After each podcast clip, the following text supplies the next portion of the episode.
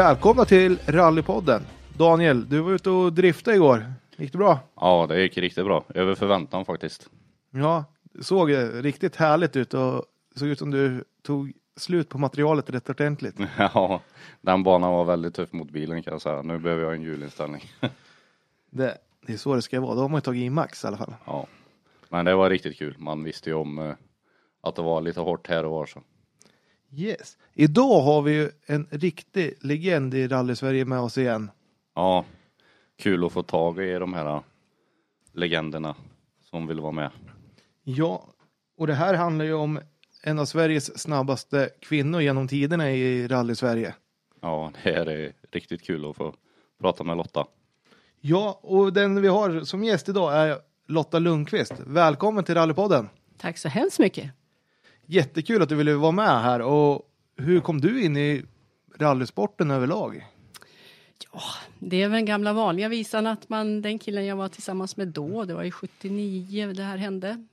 Hans kom kompisar var ute och tittade på rally och en del körde rally. Och då tänkte jag det där kanske är kul att börja. Men min pappa tyckte ju inte alls om den idén överhuvudtaget. Trots att han själv varit kartläsare och faktiskt åkt midnattssolsrallyt på 50-talet. Um, men i alla fall så hittade jag en, letade i IB då naturligtvis, det var den enda tidning som var på den tiden, eh, efter, en, efter min ekonomi.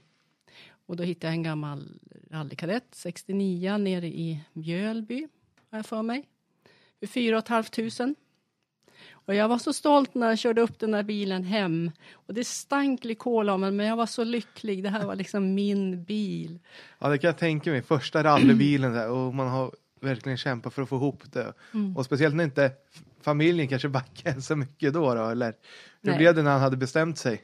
Eller när du hade bestämt dig att jag, jag ska börja med rally? Ändrade sig pappa då eller? Nej, han var tveksam och efter jag hade gjort mina fyra debutanttävlingar då så fick man börja som C-förare och den första tävlingen slutade med att jag låg på tak. Och efter det så släppte det att ja, men det var nog okej. Okay. Han såg att jag klarade mig liksom. Det var ju mer för att han var orolig så. Men jag minns den rullningen än idag. Det, hela styrstången lossnade så jag kunde inte styra så vi får upp på en kulle och får runt. Och så panik, gud det kommer börja brinna, jag måste ut fort. Så av med bältena där vi låg och jag trampade min stackars kartläsare i ansiktet. Och, och om man jämför det med eh, en rullning som jag gjorde 87 i Väskele. Eh, där vi hamnade också på tak och jag sa till Lotta, eh, tror du det kommer någon snart eller måste vi kläppa upp oss? Det är så jobbigt liksom att kliva ut och så kommer det någon finn och stoppar in huvudet genom rutan och säger någonting på finska som inte vi fattar ett ord av. Eh, och sen gick han. Och Lotta jag bara, mm, vad gör vi nu? Och så tittar jag, fan det är ju snart, det har minst har gått en minut nu. Måste vi liksom? Men sen kom de och lyfte upp oss. Och, ja, vad ja. skönt. Ja. ja, men all, här, den första rullningen kommer man väl säkert alltid ihåg att den, ja. den, den är alltid problematisk. Mm. Och, Speciellt om man hamnar upp och ner och ska knäppa loss sig och sådär. Ja, det, så är det. Men den eh, lyckas i alla fall få mina poäng till B-förare och eh, kadetten slutade i tred. Men eh, jag reparerade den och sen så jobbade ihop till en Ascona A. Ja, för det är ju ett signum för dig. Du har ju åkt Opel nästan hela karriären, eller är det hela karriären du har åkt Opel? Ja, det är det. Det är på grund av att jag är född i ett familjeföretag som eh, sålde Opel ända från 1960. Pappa startade företaget 55. Då, då finns det en rimlig förklaring till ja. varför det blir så. Och kanske är lite enklare att få lite hjälp om man har en far som har en Opel-handlare också på den tiden. Ja, men precis. I början var ju det att man fick lite hjälp och sen alltså, jag inte, hade ju inte semester, jag vet inte på hur många år, utan jag jobbade i fulltid och, och allting annat fritids gick åt till det här. Jaga sponsor. Men hur gammal var du när du började med rally? Um, måste jag tänka efter. Uh, 79 började jag, måste jag ha varit 21, 22. Så det var inte så här direkt när du hade fått körkort heller, utan det dröjde ett par år innan det väl blev ja, så här? Ja, nej, jag var i hästtjej i grunden och tävlade på SM-nivå. Okay. Mamma eh, höll ju på med hästar och, avlade och så där så att uh, så det var den. Sen stoppade jag in fler hästar under motruven istället. Ja, alltså det, man brukar säga hästtjejer och motorsporttjejer, det, det tar ungefär lika mycket tid. Det, det är rätt bra kombination att vara tillsammans med någon som håller på med hästar när man håller på med motorsport. okay. Hörde jag en kille hemma sa, hans tjej håller också på med mycket hästar och håller på att avla. Han sa, ja, när jag är i garaget så är hon i stallet, så det är jättebra, vi ses aldrig och ja. man tär inte på varandra heller. Men det är nog perfekt, då måste jag ha egna intressen. Alltså. Ja, annars så funkar det nog inte. Alltså. Men mm. du gick till B-före där rätt fort, eller hur? Ja, under det året så, så gick det bra faktiskt. Jag minns någon tävling. Um, så jag blev, kom bra. Alltså på den tiden, vet du, med C-förarserien som var, det var ju otroligt stora. Ja, uppe i Uppland där. Ja. De var ju hur stora som helst. Ja. För jag vet, de som hemifrån Nyköping som är lite äldre, de var ju också uppe och åkte den här, mm. alla C-förare åkte mm. den här uppländska C-förarserien. Mm. Ja, men det var en bra uppfostran faktiskt. Ja, det kan jag tänka mig. Så att när man började komma upp sig i resultatlistorna där så var det ju många som kom och ifrågasatte mina tider och protesterade och de fick räkna om och ja, typ.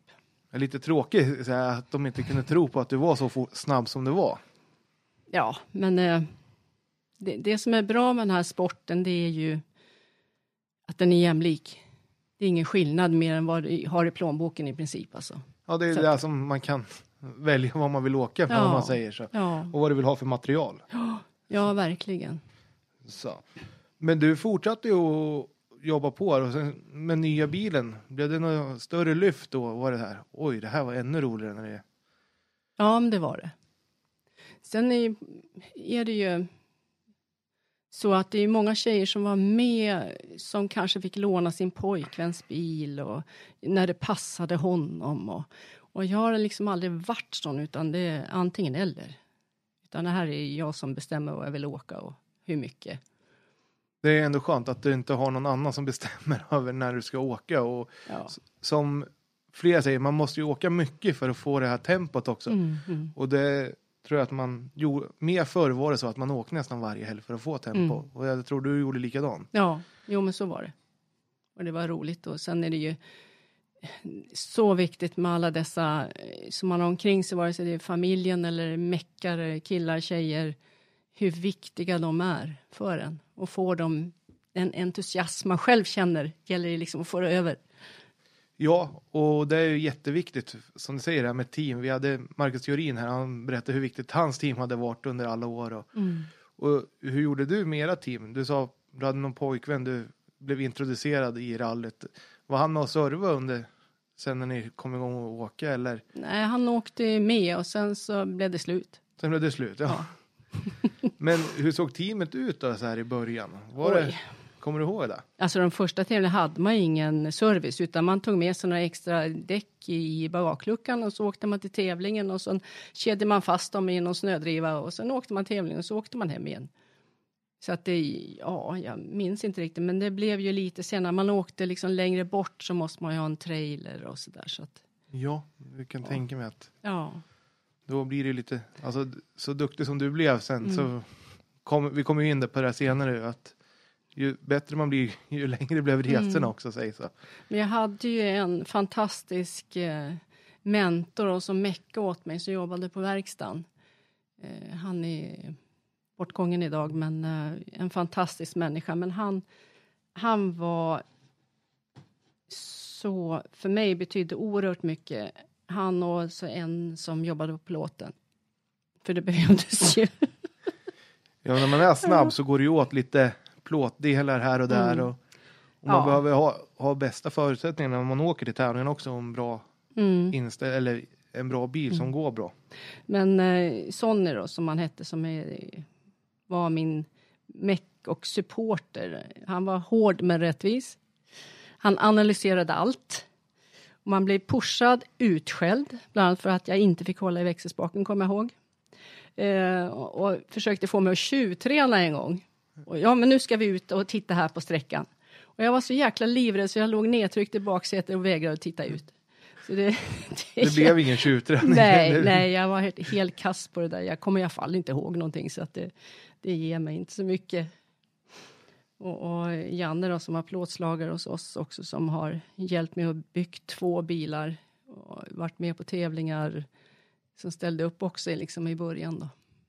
Ja. De personerna är jätteviktiga som man mm. har, att man vet att det här kan jag komma hem till eller de finns när jag kommer till servicen. Ja. att Det här teamet hjälper mig oavsett om det går bra eller dåligt mm. eller att man har en dålig dag. Att man får ändå den här pushen och sen mm. kanske man får lite tips även fast det kanske inte ja, alltid visst. låter jättebra. att Man kanske tar en lärdom ändå. Att den här mm. personen kanske jag ska lyssna på för han har gett mig så mycket bra tips innan. Mm.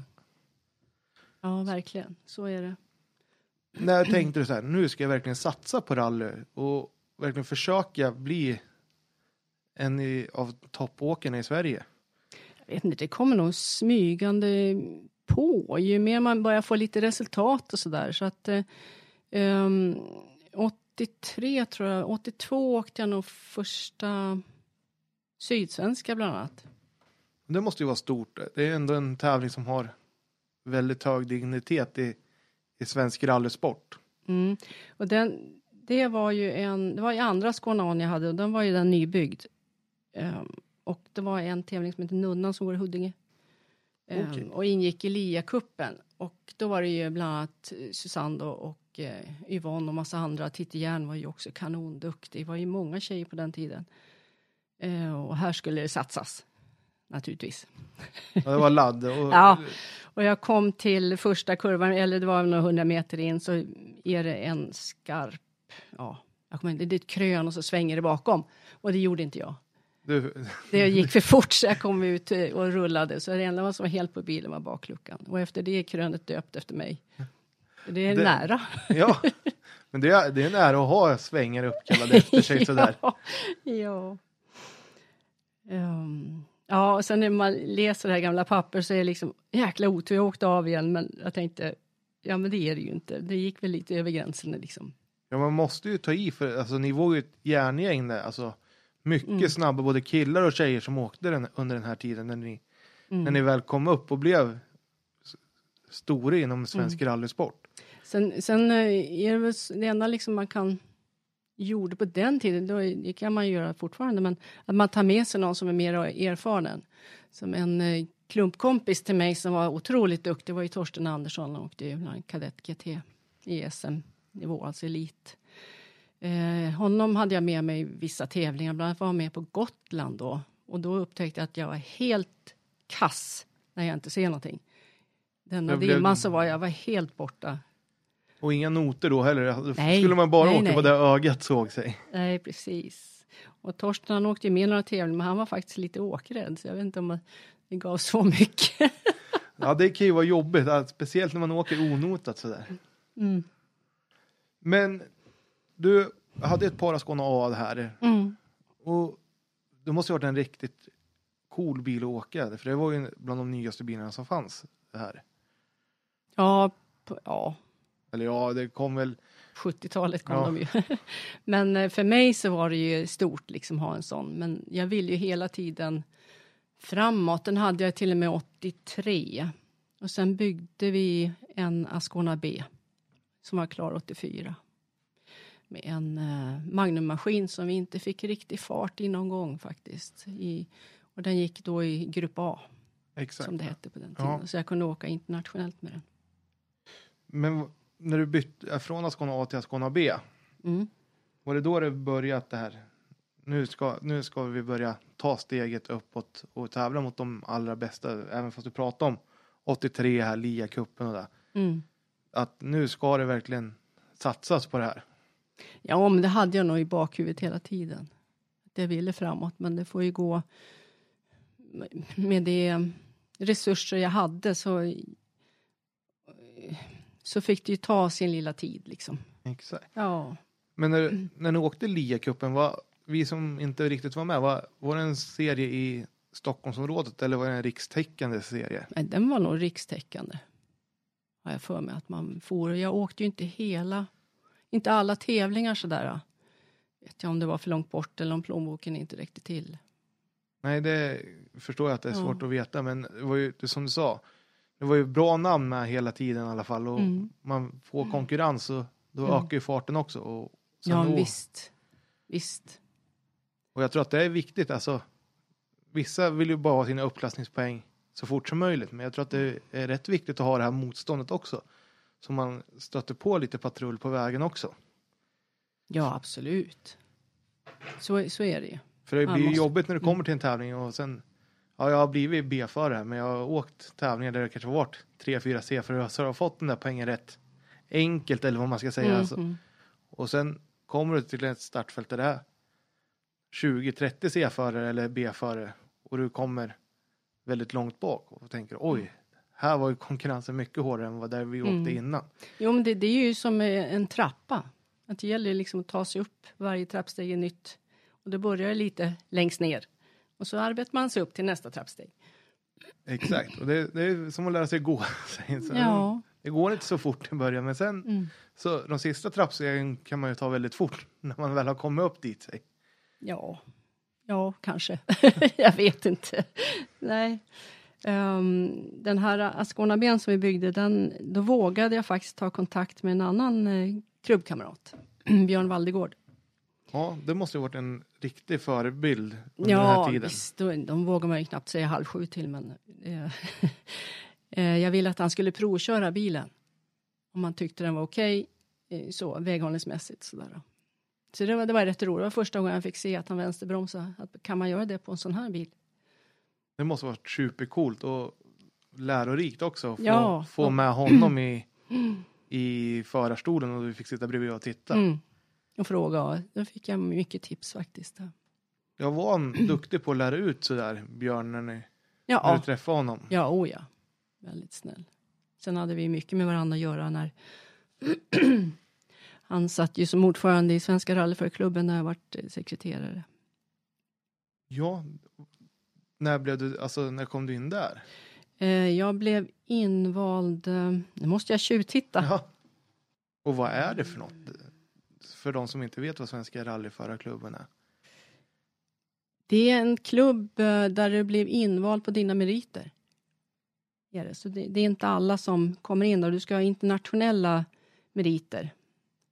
Jag tror att jag kom in där 85. Eller 86. Skitsamma. Ja, vi kom, vi kom ju dit. Vi har inte, Ja. vi har inte kommit så långt i, i berättelsen än. När, när du hade, när, vad sa han då om Ascona? Var det, tyckte han att du skulle förändra något på den? Nej, men han tyckte den gick bra, att den eh, för min del passar bra och sådär. Men sen visste jag ju själv att eh, maskinellt så var han inte så pigg, tyvärr. Och varför vet jag inte, de fick ingen ordning riktigt på den där motorn, men den var ju med länge. Ja, du åkte med den ändå, även fast ni inte fick den. Och, Ja, för, ska vi se, det var ju 84 var vi även på sån här eh, kurs. Det var alla, bara tjejer uppe hos Kulling, Anders Kulling. ja, han hade ju sina, sina rallyskolor Ja. om man säger. Han Ja. var ju, vad jag har förstått så var han jätteduktig på att lära ut han också. Ja. På hur man behandlar en bil. Ja, men visst. Eh, Och eh, även han hade en psykolog där som hette Gary Larsson som talade om mental coachning. Och, och de grejerna är fortfarande med mig. Det måste vara superskönt Att, att, eh, man kan ta man- tillbaka, alltså så gammal erfarenhet sitter kvar och det för det, det man hör när vi pratar med några andra som har hållit på länge att det var inte så noga förr i tiden, det var bara att gasa men det är jättekul att höra dig berätta att det fanns så här med mentala coacher typ och sånt man fick hjälp av även då.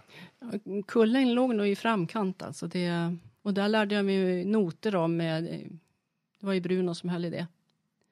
Eh, som Lotta höll på med att komma in i. För vi åkte ju svenska sedan 85 då. Men äh, nej, alltså det, det här att gå in i sin egen bubbla innan start och liksom bara fokusera, tänka, affirmera. Eh, stänga ut allting liksom. Det, det är jätteviktigt alltså, att ha 100% fokus när du ska Mm. åka mm, det fortaste du kan på, från punkt A till punkt B. mm, Så jag tror att det är jätteviktigt att man har det. Och det kan jag känna, alltså när man jobbar som funktionär. Några av er äldre har ju verkligen det här. Det är verkligen, man ser verkligen skydd, skyddlamparna på, så är det. ja, Fullt fokus när man kommer fram till startgroparna. Mm. Och då är det kartläsaren som sköter det andra. Och, ja, och det är ju så det ska vara, Mm. tycker jag. Att man ska ha 100% på fokus på det man ska göra för att kunna åka riktigt fort.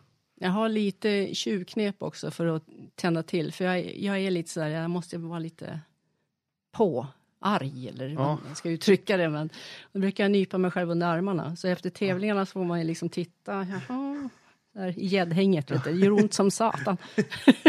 Lite fina blåmärken. Ja. sådär.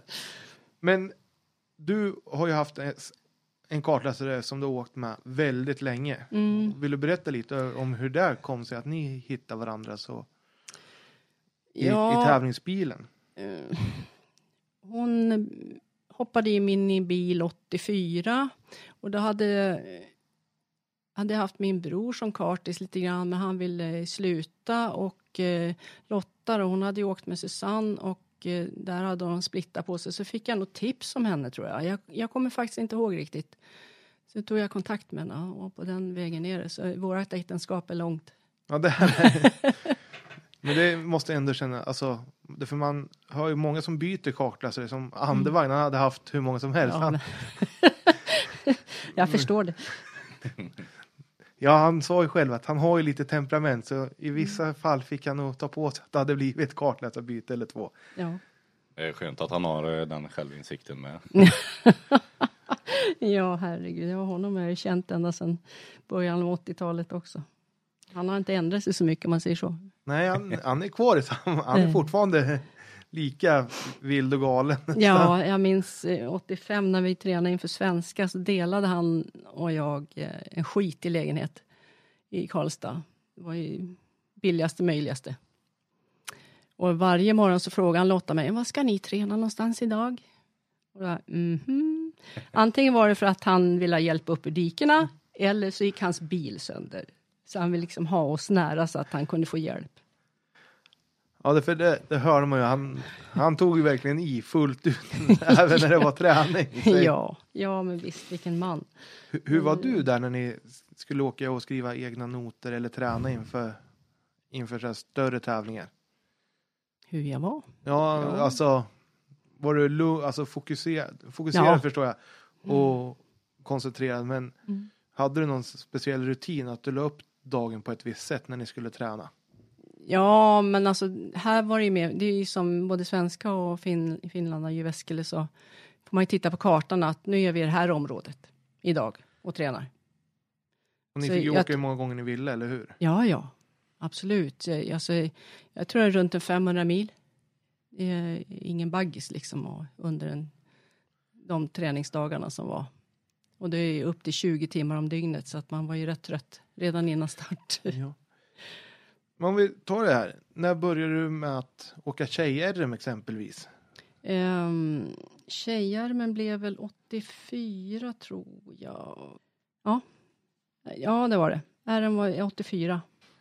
Det var, när skulle du säga själv att din karriär hoppade, alltså från den här hob, amatör hobbynivån om man säger, till att det blir lite mer professionellt och att nu ska vi göra en satsning på en hel serie eller sådär. Ja, men det var nog då. 84. Ja, med Ascona Ben. Där. Ja. Precis, eh, för då åkte jag ju, oj, och där, det som nästan var nästan var roligare var, så var DM i Uppland det året. Vi hade såna fighter. Är det någon tävling du kommer ihåg där, speciellt? Det för, det för det har jag och Daniel i början av 90-talet var ju DM rätt stort när vi kanske var små barn. Men Mm. Innan det, som farföräldrar och det har berättat, rally-DM, det var ju det stora att vinna nästan Mm. Ja, var och Men det var ju det. i varje distrikt. Och Ja, där- ja, det var i krig, blod, svett och tårar var det. och det gick ju bra, speciellt en tävling uppe i Tierp var det som, om jag klassvann den eller vad jag gjorde. Ehm, då vet jag att jag slog en väldigt eh, vad heter det, duktig chaufför som uttryckte det hela att han blev tvåa i damklassen. Efter. Hade du någon svar på tal då? Eller Ja, skrattade det, du bara? ja, jag bara skrattade. Vi har ju hört det efteråt. Ja. Men det, det var ju så. Men däremot så liksom när man fick resultat så fick man ju också en annan status. Alltså det på något vis. Jo, men det kan jag tänka mig att det snacket, om man kommer som tjej då och visar resultat att oj, det här kanske man inte var med, men ni var ju så många tjejer som var så jäkla duktiga under, Mm.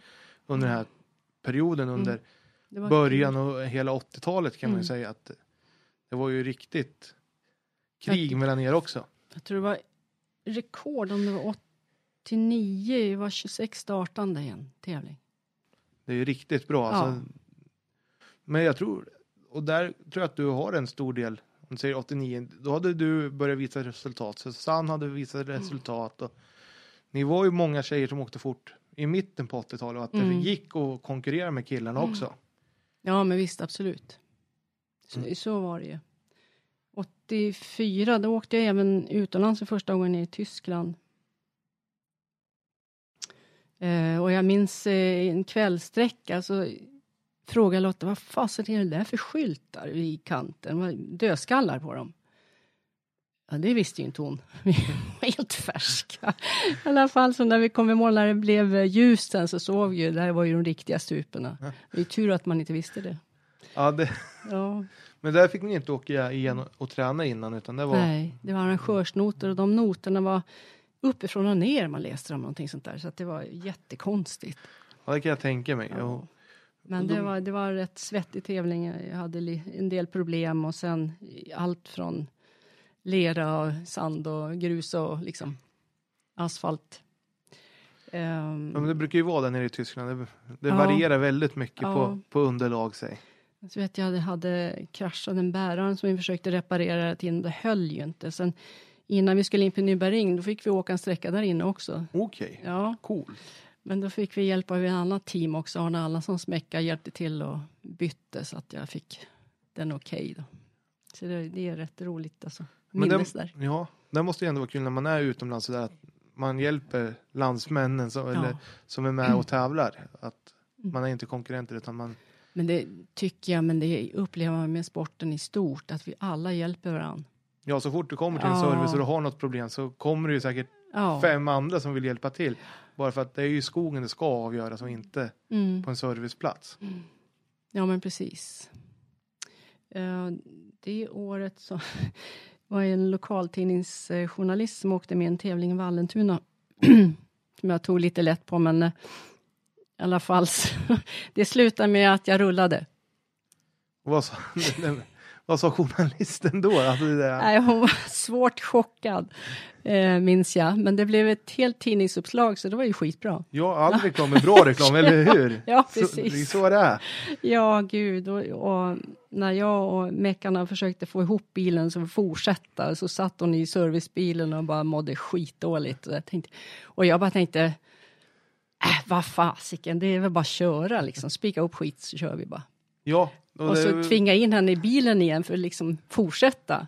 Exakt, man måste ju upp på hästen igen Ja, när, man, precis. när man har trillat av en gång. Ja, Men det är ju kul, alltså det där måste ju ändå vara rätt roligt för er chaufförer också att få med sig någon så här som aldrig har hållit på med sporten också. Och visa att det är rätt kul, även fast det kan gå åt pipsvängen ibland så kan man fortsätta och det mm. Gör inte så ont som man kan tro när man ser det utifrån sig. Nej, men precis. Det ser man ju på i dagens bilar, VRC-bilar och sådär, vilket säkerhet det är. Alltså. Ja, det är Det, helt behövs i de otroligt. farterna. Mm. Men 84 där, det känns Mm. ju som att karriären kickar igång verkligen där och att du får mycket genombrott där med Upplands-DM och, Mm. och utlandsstarter. Var det någon mer utlandsstarter under? Nej, inte det året, utan eh, det var, jag satsade på RM och DM. Hur gick det i RM då? Tvåa, Tvåa. efter Susanne. Hon var nog värst då. Och hon åk, du åkte Opel och hon åkte Volvo eller? Ja, Volvo Turbo. då. Och sen när vi kommer fram alltså 80, ja då är vi uppe på 85 eller Mm. hur? Ja, precis. Åren går fort. Ja.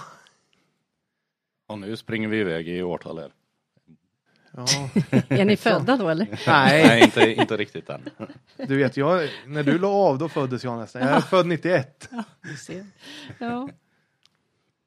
Så, men tjej-RM, det växte ju. Ni blev Mm. fler och fler här under 80-talet, eller hur?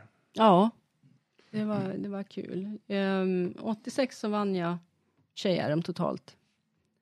Exakt. Så det var, det var tuffa fighter mellan oss hela tiden, men eh, till min fördel. Ja, det, det är ju skönt det. Ja.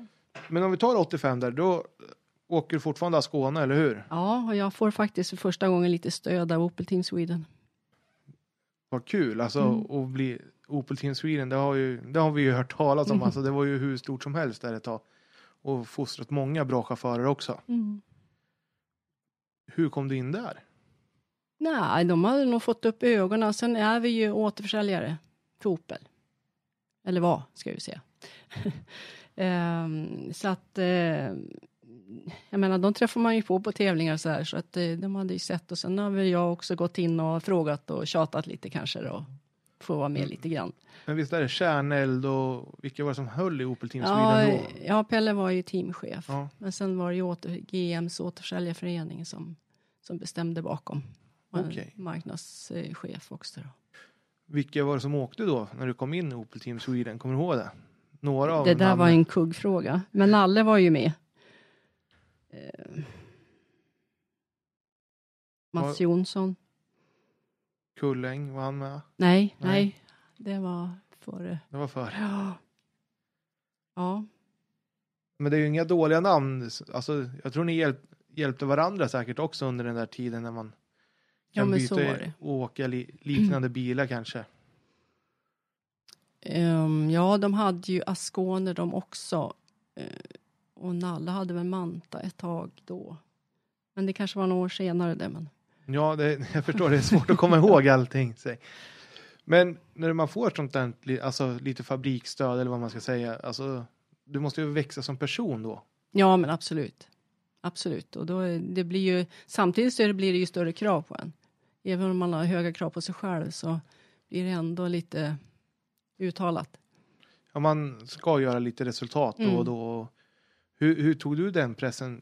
Hjälpte det här med mental coaching någonting då eller hur, hur tacklade du det? Att du fick lite mer press på dig?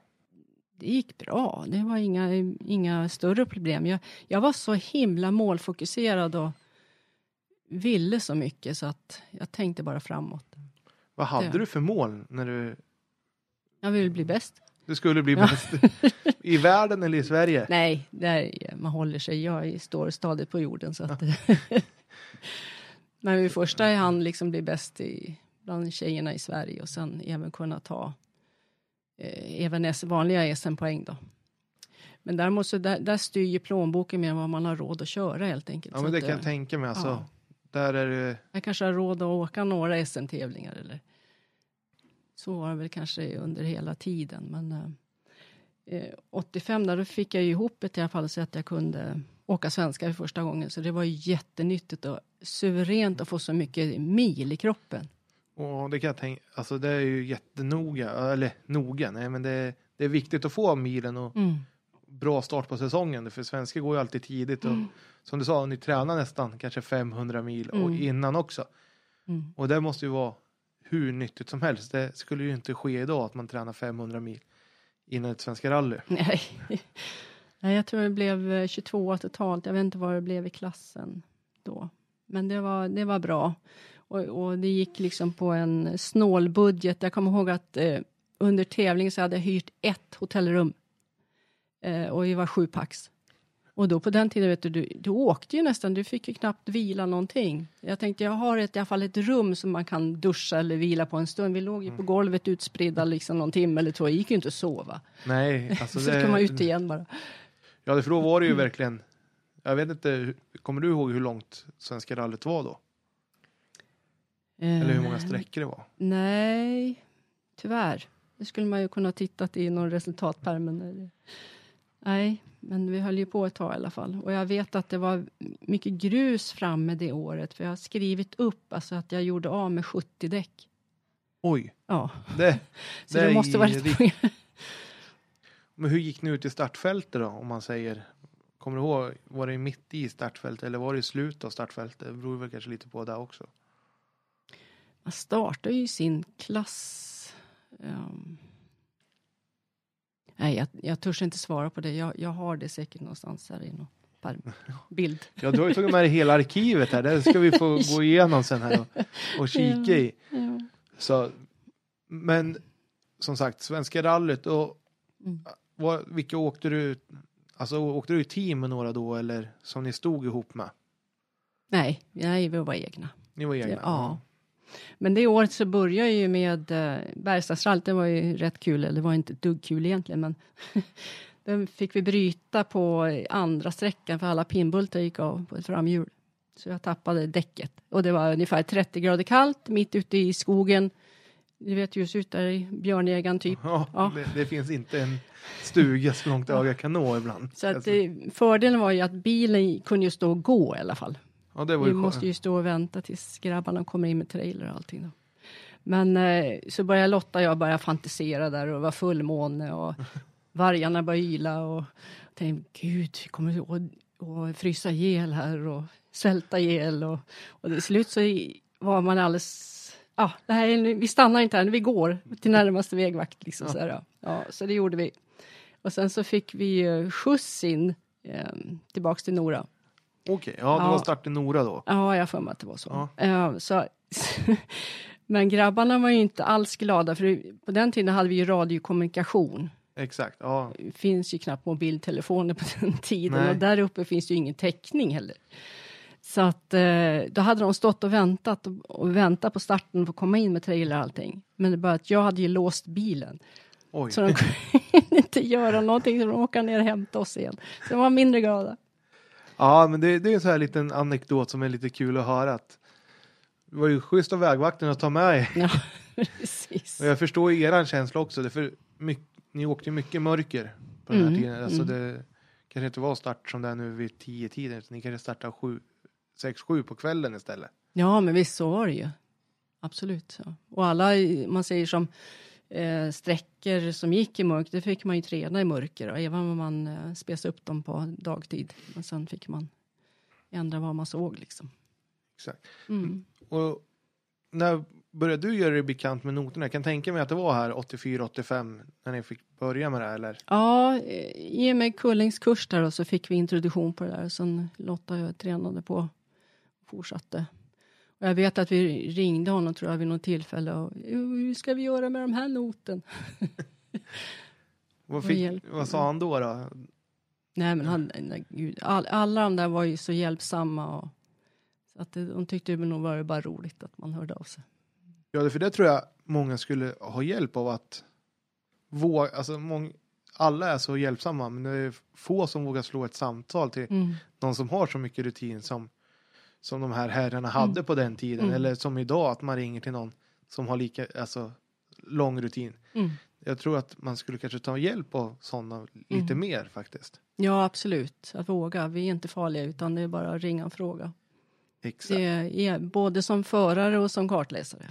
Ja, det, för du- du har ju del av båda nu, så här på äldre dagar. Mm. Jo, men jag åkte faktiskt med några gånger även på den tiden. Jag tyckte det var roligt. Men du kan tänka mig, och sen är det lärorikt också att få båda delarna. Mm. även då. Därför noter var ju jättenytt. Jag vet inte riktigt när ni, när, men du säger det runt, Nej, så- 83, 84. då kom Mm. noterna. Ja, men då var det ju Svenska rallyt. Sen SM blev det väl på 90-talet. Ja, där- Sydsvenska fick man också på 90-talet.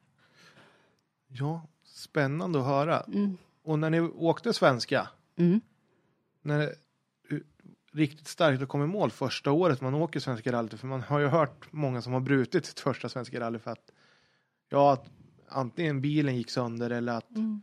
Att så. Och det kanske var tur att pinnbultarna gick av där i Bergslagsrallyt. Så, ni, så ni fick nya pinnbultar till svenska. Så, Ja, precis. Precis. så inget ont som nå- inte har något gott med sig. Kanske. Nej. Det hade varit jobbigt att starta svenska och brutit på SS2 för att man inte har, har några pinnbultar. Ja, ja, men precis så är det. Det blir ju sån här antiklimax riktigt. Var det. Men, eh, jag har en annan rolig grej det året också. Då var det här Masters International som eh, gick några år i Rosersberg. Ja, mästarmötet där Ja. uppe. Ja, de hade bjudit in och ett år fick jag vara eh, föråkare och då skulle jag ha, eh, han var generaldirektör för civilförsvaret Okej. med mig. Ja, Eh, men innan starten på första sträckan så blev det stopp och vi stod där och väntade och då visade det sig att de, vi skulle vänta in kungen och lilla prins Filip på den tiden då. ja, du ser. Han, han var inte så stor. Nej. Eh, så satt jag där och pratade med honom och du var så här, tror du jag törs gå ut och hälsa på honom? Jag tänkte det här är jordens grej, när får man sådana här tillfällen? Det Ja. måste man ju ta tillvara på. Det är ju lite roligt.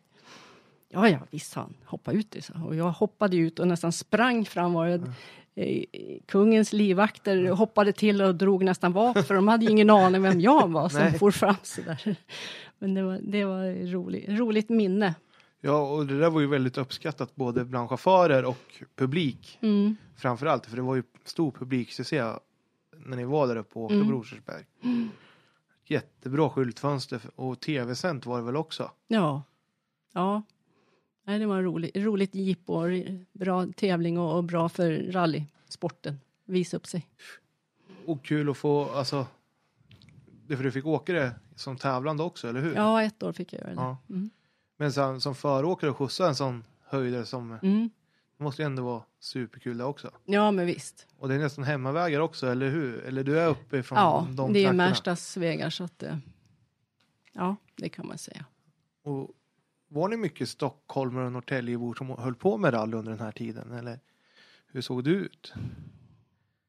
Upplandsklubbarna, det var ju väldigt många Ja. aktiva. Ja. Det var det säkert i, i Stockholm också, men jag inte... Men Uppland, Uppland har ju ändå alltid varit ett litet rallynäste om man säger. Mm. Det är många duktiga chaufförer som har kommit Mm. uppifrån Uppland.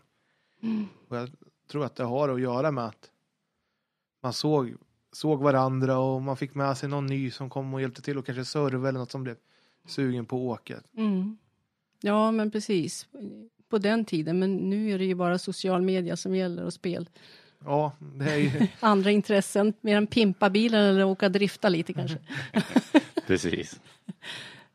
Ja, drifting är ju en eh, ja, eh, publiksport verkligen, alltså arenasport nästan har det blivit. Folk eh, vill ju inte ut i skogen lika mycket längre känns det som. Mm. Det är lättare att åka till en bana man hittar lätt till och kolla, se bilarna länge. Och, Mm. men eh, folk missar det här roliga som finns i skogen istället. Ja, det ligger mig närmast om hjärtat. Jag- Ja. Racing och sånt där har jag aldrig varit riktigt Ja, jag, jag är en eh, rallykille egentligen men driftingen var så himla lätt att börja med. Mm. Få utlopp för sin högerfot liksom. Mm. Så det var en, för att känna på om man eh, var någonting, ja en chaufför. Långsiktigt har ju jag tänkt att börja med rally någon gång men det är ju så himla dyrt. Ja, jo, men det är ju mycket. Men det Tyvärr. finns ju billigare instegsklasser. Det Jo absolut. Men eh, det är inte många som vill ha dem, utan det ska vara det värsta. Ja, Mm, då blir det dyrt. ja. men efter svenska där då, hur, hur gick planerna då? För året som komma skall? Ja, jag åkte väl eh, Sydsvenska. Nu har jag inte skrivit någonting om det här faktiskt. Men jag, jag har ju åkt eh, Sydsvenska 11 år i rad. Du gjorde det? Ja. Ja. och totalt 13 gånger. Som, eh, några gånger som bisittare också. Ja, Det är ju en jättefin tävling och Mm. den flyttade ju runt lite i Småland under de här åren, eller hur? För det var inte samma huvudorter hela tiden. Nej, Kristianstad var väl mm, flest gånger, men däremot så är det lite roligt. Det var ju så långt på den tiden. Idag är det ju bara 8 till 5 jobb allting. Men då, då körde man ju dygn. Ja, det, för då var man ju, som du säger, nere i Kristianstad, men sen Mm. hör man här. Ja, när man kommer upp till Älmhult om det går Mm. i kroken. Ja, den här sträckan den gick 84-85 på Sydsvenska. Mm. Då tänker man, ja Kristianstad det är ändå 10 mil härifrån. Mm. Och så, ja, det här var ju bara mitten, sen var vi nästan uppe i, i norra Småland och åkte också. Och sen Mm. vände man ner igen för att Mm. kanske komma tillbaka till Kristianstad ett par dagar senare. Säg. Ja, men det gick ju i eh, Skåne, Blekinge, Småland. Och så eh, som förare så där har man liksom ingen aning om var man befinner sig någonstans. Utan man bara såg ändelserna på bynamn, om det slutade på Arp eller om det slutade på Hult eller By. Så visste man ungefär var man befann sig i Sverige. Ja, men det är lite, och Torp, alltså det finns ju så här massa roliga, som där nere, det är mycket Ryd och sånt där till Småland Mm. också. Så det är ju coolt att man kan följa landskapen så också, med slutet på ortsnamnen som du säger. Mm. Men du och Lottas samarbete, det måste ju ha varit suveränt under den här tiden. Alltså, så mycket tävlingar som ni åkte och, Mm. och ni verkar ju ha hållit ihop fortfarande. Så. Ja, men hon är fantastisk, eh, både som eh, vän och eh, kartläsare. i- ehm, seriös. Vi har haft så mycket roligt ihop, både i bilen och utanför bilen. Um, en människa som är så professionell. Um, jag menar, det är inte så jäkla lätt att vara kartläsare, det vet jag som har suttit på den sidan också. Föraren behöver bara köra och få stå där och ta emot all uh, ovationer och bli intervjuad. Och den där bisittaren, han ska bara vara tyst liksom, och sköta sitt. Exakt, ja. och sköta allt annat, allt annat runt omkring sig. Ja, men precis. Eh, så är det ju. Det är både pusha och bromsa, stötta och trösta. Eh, tider, PM, roadbook, noter. Ja, så mycket. You name it. Ja, men hon är fantastisk. Och när vi hittade tillbaks här förra året sa jag till henne liksom andra dagen under mina sussrally att fasiken, det känns precis som det var igår vi åkte ihop. Och då är det 27 år sedan. Ja, det måste ju vara en ja. underbar känsla. Ja. Alltså, och, och jag bara liksom, bara slä, jag släppte liksom allting på det som var på högersidan. Jag, jag vet att jag kunde lita på henne. Jag har 100% tillit, jag vet vad hon gör. Eh, hon hjälper mig och, och, och liksom, ja, hon kan. Jag blir nästan tårögd när jag säger ja. det faktiskt. Hon är, ja, det är härligt. Det är kul att det, alltså sådana samarbeten är ju, det är sånt man ska vara rädd om och mm. som du säger, vänner. För livet är ni ju säkert också. Mm. Jag vet jag, när jag började som Karina eh, Olsson som hon hette på den tiden. Hon körde ju, det var bland annat den tjejen som jag tittade på då innan jag började. Okej. Okay. Och vi har ju haft kontakt också. Hon är också väldigt jätteduktig både som förare och sen som kartläsare. Så att, eh, och vi har ju fortfarande nära kontakt. Vad kul. Alltså det, sånt där är ju jätteroligt att höra att det håller i sig. Mm. Från sin karriär och även efter karriären att man fortfarande har det här vänskapsbandet. Man mm. ringer varandra och hör, mm. frågar hur man mår och, mm. och så. Mm. Ja, precis. Jag vet att eh, 86 har jag faktiskt skrivit upp Ehm, jag skojade med mina kollegor i rallyutskottet, nu har ju faktiskt gjort någonting bra. jag fick ett brev då från utskottet. Så Rallyutskottet har beslutat att du med omedelbar verkan under 1986 tillhör gruppen sidad övriga i rally-SM. Ja, du ser. Ja. Så det var ju fjäderhatten då. Det måste ha varit en jättestor stort lyft. Kan du berätta lite om klasserna, hur de var på den här tiden? För det är ju inte alls som det är idag riktigt. Att Ja, men det var väl elitsidad och övrig och sen ja. de som inte var sidade alls. Ja, det var så. Ja, alltså. men sen var det ju kubikklasser, alltså fyrhjulsdrift och tvåhjulsdrift och, och kubikklasser och förarklasser. Så ja, för rally har ju alltid haft väldigt mycket, mycket klasser och mm. olika benämningar. Så, mm. så jag tror lite av det gör att man tappar lite av det Svensson-folket för att det är så svårt mm. att hänga med i vilka klasser folk tävlar. Och... Ja, men det förstår jag fullkomligt. Så där, där behöver det jobbas på för att få ner antalet klasser så det blir förståeligt även mot eh, massmedia. Det är ju jätteviktigt. Jag för tänk, sportens skull. För det var när, var det när Stig var här Daniel, när vi pratade om standard, nej, var, och sen var det när Leffa Fredriksson, när vi pratade standard B och standard mm. A. Och, alltså vi har ju ingen koll på vad det var för klasser egentligen. Men standard A är väl ungefär som grupp A då. Och nu idag, mm. vad är det idag? Måste, det vet jag inte. Det måste väl vara nästan R-bilar. Ja, för ja. när man står och kollar i programmet ibland och ser historikerbilarna, då står det ju ibland kan det ju stå de gamla namnen på bilarna för mig. Eller klasserna. Typ standard och... Ja, väldigt sällan. Men ja, jag har sett det någon gång, men man är ju alltid undrat här, jaha, vad, vad är det för klass? Så jag tror, tror vi är på rätt väg med det här nu, nu rally 1, 2, 3, 4, 5 som Fia. Mm. Alltså det, det, är något sånt enkelt som behövs i dagens samhälle för mm. alla är så väldigt inne i sig själv och vill att det ska fin- allt ska finnas på nätet. Det ska bara vara ett klick bort så ska du veta vad det här mm. innebär. Mm. Men jag vill även säga att man får inte glömma den nationella klassen och det är jätteviktigt. Nej, det är, det är, ju, det är ju det, är det som är bredden. Mm. Det är det vi ja. måste vara rädda om. Och mm. sen internationellt, men det var... Ja, men för att åka internationellt så måste du ju ha en sån bil. Ja, mm. exakt. Men du, åkte du mycket mer utomlands här när du kom med i Opel Team Sweden eller höll du dig? Nej, du... de pengarna var ju till för att åka inom landet. Det var det? Ja, ja det var det. Men från 85 där så hade jag ett visst stöd från teamet. Ja, kul. Um, 86 så hade jag faktiskt bytt Ska vi se, jag sålde Ascona för att den skulle gå ur Grupp A-klassningen. Ja. Och då eh, fick jag tag i en Manta som Nalle hade byggt. En Grupp A som jag gjorde om den till. Det fattades en uh, femväxlad låda, en Getrag-låda i den som jag fick tag på i Danmark uh, under året. Ja, blev det lite längre bil än Ascona? Ja, den blir lite längre. Den är ju väldigt lång i nosen. Ja. uh, och den är inte så rolig att köra på vintern för man blir utknuffad ut spår och sånt Ja. där om det är höga vallar och sådana saker. Men jag älskade den bilen faktiskt. Ja, det kan jag Det, tänka mig. det var Och- väldigt speciell för mig. Så den började jag köra med under 86. Ehm, också i Grupp A då. Nationellt eh, i början tills jag fick i rätt växellåda i den. Exakt. Hur, tänker, hur har teamet utvecklat sig här? För nu har ni ju lite trailerdragare och så här. Alltså nu Mm. måste det ändå finnas ett team bakom dig också. Vilka bestod det av?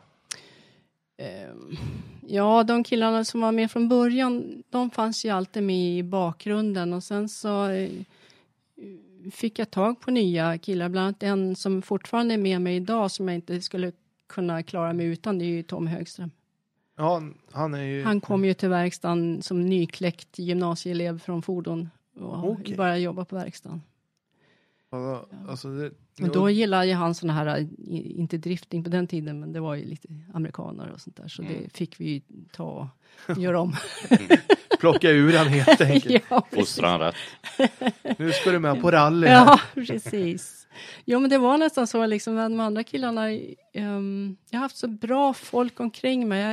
Jag är, oerhört tacksam för det alltså. Det, att det är kanonkillar, allihop har jag haft eh, som har varit med och stöttat och blött och tröstat och kämpat och duktiga mekaniker och så. Men som eh, Tommy, alltså han blev nästan uppfostrad av de andra som var med så han kom in. Så det gäller liksom att få in nya killar och se hur man jobbar och det tar lite tid. Och ge den tiden, det är skitviktigt.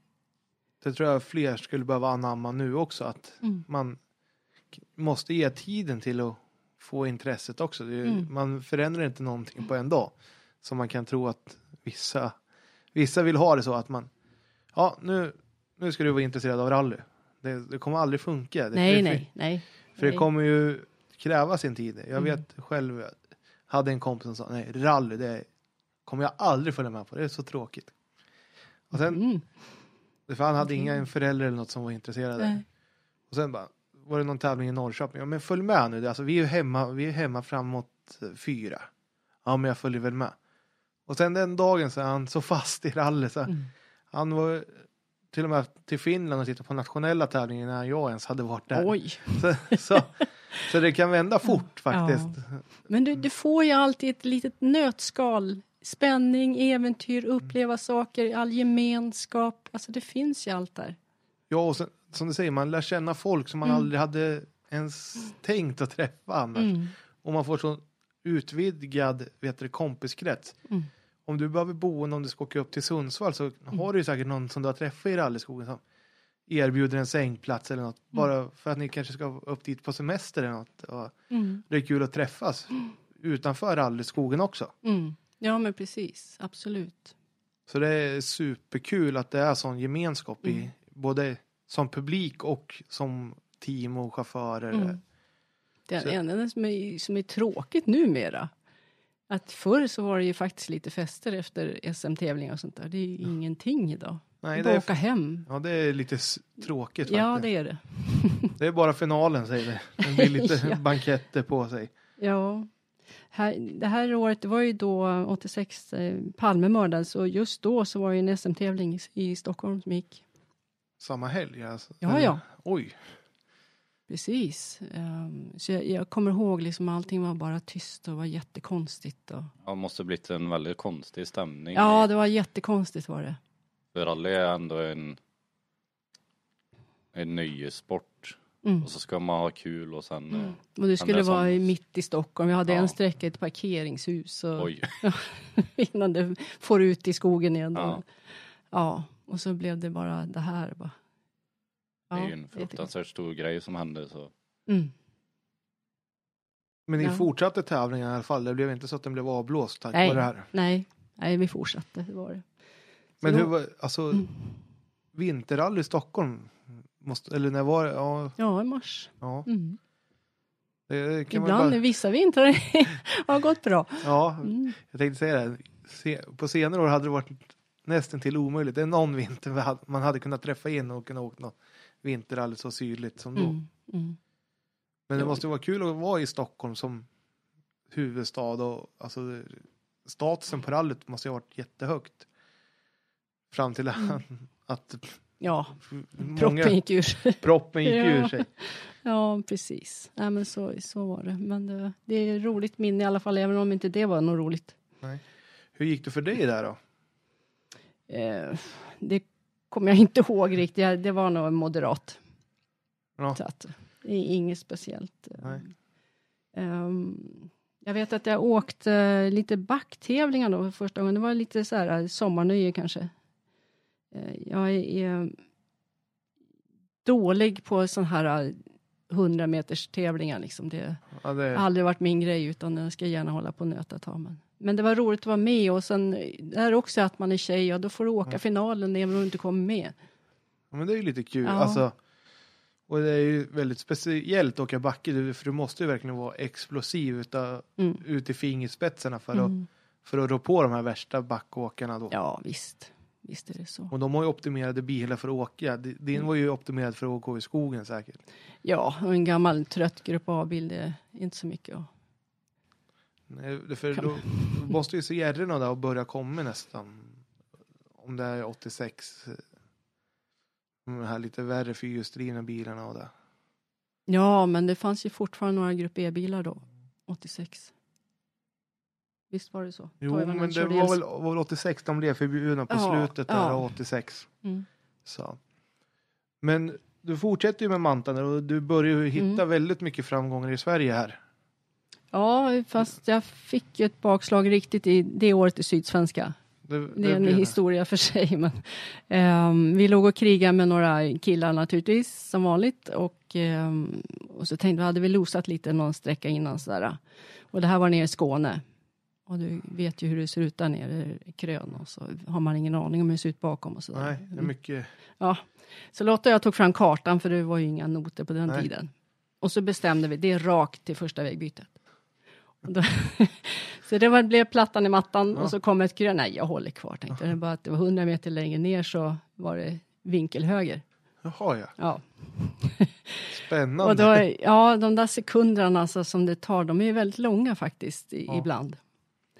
Och då såg jag en stenmur som inte var allt för hög, eh, rakt fram, Ja. ut på ett gärde. Så tänkte nej, jag, jag chansar liksom. Ja. Och det, vi flög över och det small i under och så precis när vi är i luften och på väg att landa så är jag att herregud, vi kommer ju ta en, eh, var en finska Skåne 400 som stod där. Aj. Så det enda jag tänkte på fullt rattutslag till vänster och så är det bara hoppas, jag blundade och hoppas på att vi landar liksom i tid så jag kan hinna styra. Och det var väl precis, vi tog hela hans eh, vänstersida i min högersida. Det var en riktig rysare. Och sen i alla fall bilen gick så att eh, vi försökte hitta ut igen då och vi skulle upp på vägen igen. Då. Men eh, den slutade dra sen efter någon kilometer. Så hade han blivit slagen så mycket under så med kardan. Det kan jag tänka mig. Ja, äh, spännande alltså. Han hade tittat på kartan han också, alltså finnen. Ja, han hade väl gjort det. ja. Nej, det är sånt där. då. Det gäller det att hålla ändå- sig kall och göra rätt beslut. Liksom. Men det måste ändå vara lite charmen med att åka onotat. Du vet ju inte vad som kommer efter krönet. Att Nej. läsa väg och, och där nere är det ju fruktansvärt svårt att läsa Mm. väg. För det är ju mycket stengärdsgårds och gärden som, som det handlar om. Om man Mm. säger. Och snabbt däremellan. Liksom. Ja. Mycket rak vinkel och, Ja. och li, lite. De säger att Skåne är platt men när man åker sträckorna Nej, det är det inte. det är inte så platt som, som man kan tro då. Nej, precis. Sen var jag åkt en eh, Tysklandstävling, Saxrally Baltic, ehm, med Mantan också. Det var en ren asfaltstävling. På 50 mil var det 25 mil SS. Och på sträcka 9 så började han låta riktigt jävla illa maskinellt. Så in till service och de lyfte på locket och då såg jag killarna att det var ventiler som var krökta. Och det, det funkade. Jag var korslängd i huvudet. Vadå ventiler? In i servicebilen och bara rota efter ventiler, ventiler. Vad är ventilerna liksom? Men hallå, knackar de på axeln. Det går liksom inte. Det är kört. Ja, det är kört. Men det var så inre där att man Ja. bara ska fortsätta. Den tävlingen vann eh, Michel Monton. Ja, det måste, alltså Ja, det är ju en riktig Peugeot åkte hon då. A205 eller vad? Ja, vad heter de? Ja, 205 T16 eller något sånt där. För det var, hon åkte ju grupp E då va? Mm. Nej, så måste det ändå varit coolt att få åka samma tävlingar som Michelle. Ja, hon, visst. Vi fick åka ut och titta sen istället. Ja. Har du haft någon kontakt med Michelle Monteau sådär nej, annars? nej, inte alls. Jag har träffat honom på senare år. Tänker nu, för nu har hon något i FIA, Ja, så FIA Safety, ja någonting. sånt där. Mm. Säkerhetsgrej på VM-rallyn i alla fall. Mm. Så. Men hon är ju den som har varit klart värst. Ja, vi får väl hoppas att det kommer någon så småningom som blir Mm. Vore jättekul att se en tjej i, i högsta klasserna igen Ja, precis. faktiskt. Mm. Jag Så. kommer ihåg när de här Grupp E-bilarna kom. När de, första gången svenska var det 81. Man var och tittade på dem. Ja, där hur man i- bara, oh. Vilken hype det måste ha varit. Ja, det var Det är verkligen. något helt annat. Ja. Ja, det är synd man inte fick uppleva det. Ja, nej, det blev förbjudet innan våran Ja. tid sägs så. ja, utom två. Ja, Ja, I Mantan 400 och sen Toyota Celica. ja. De var ju de var ju de bland de första B, grupp B-bilarna. Eller? Nej, det tror jag inte. Det var inte det. Mantan kom ju efter Asconan. Det var ju en vidareutveckling. Då. Men hur kom det sig att inte de blev förbjudna? Vet du det? Det vet jag inte faktiskt. Men det är väl en helt annan alltså, uppbyggnad på dem. Än de här värsta Lancierna. Så det var ju bara högexplosivt och rörram. Ja, Resten var plast. ja för det här. Och sen Mantan- 500-600 hästar eller?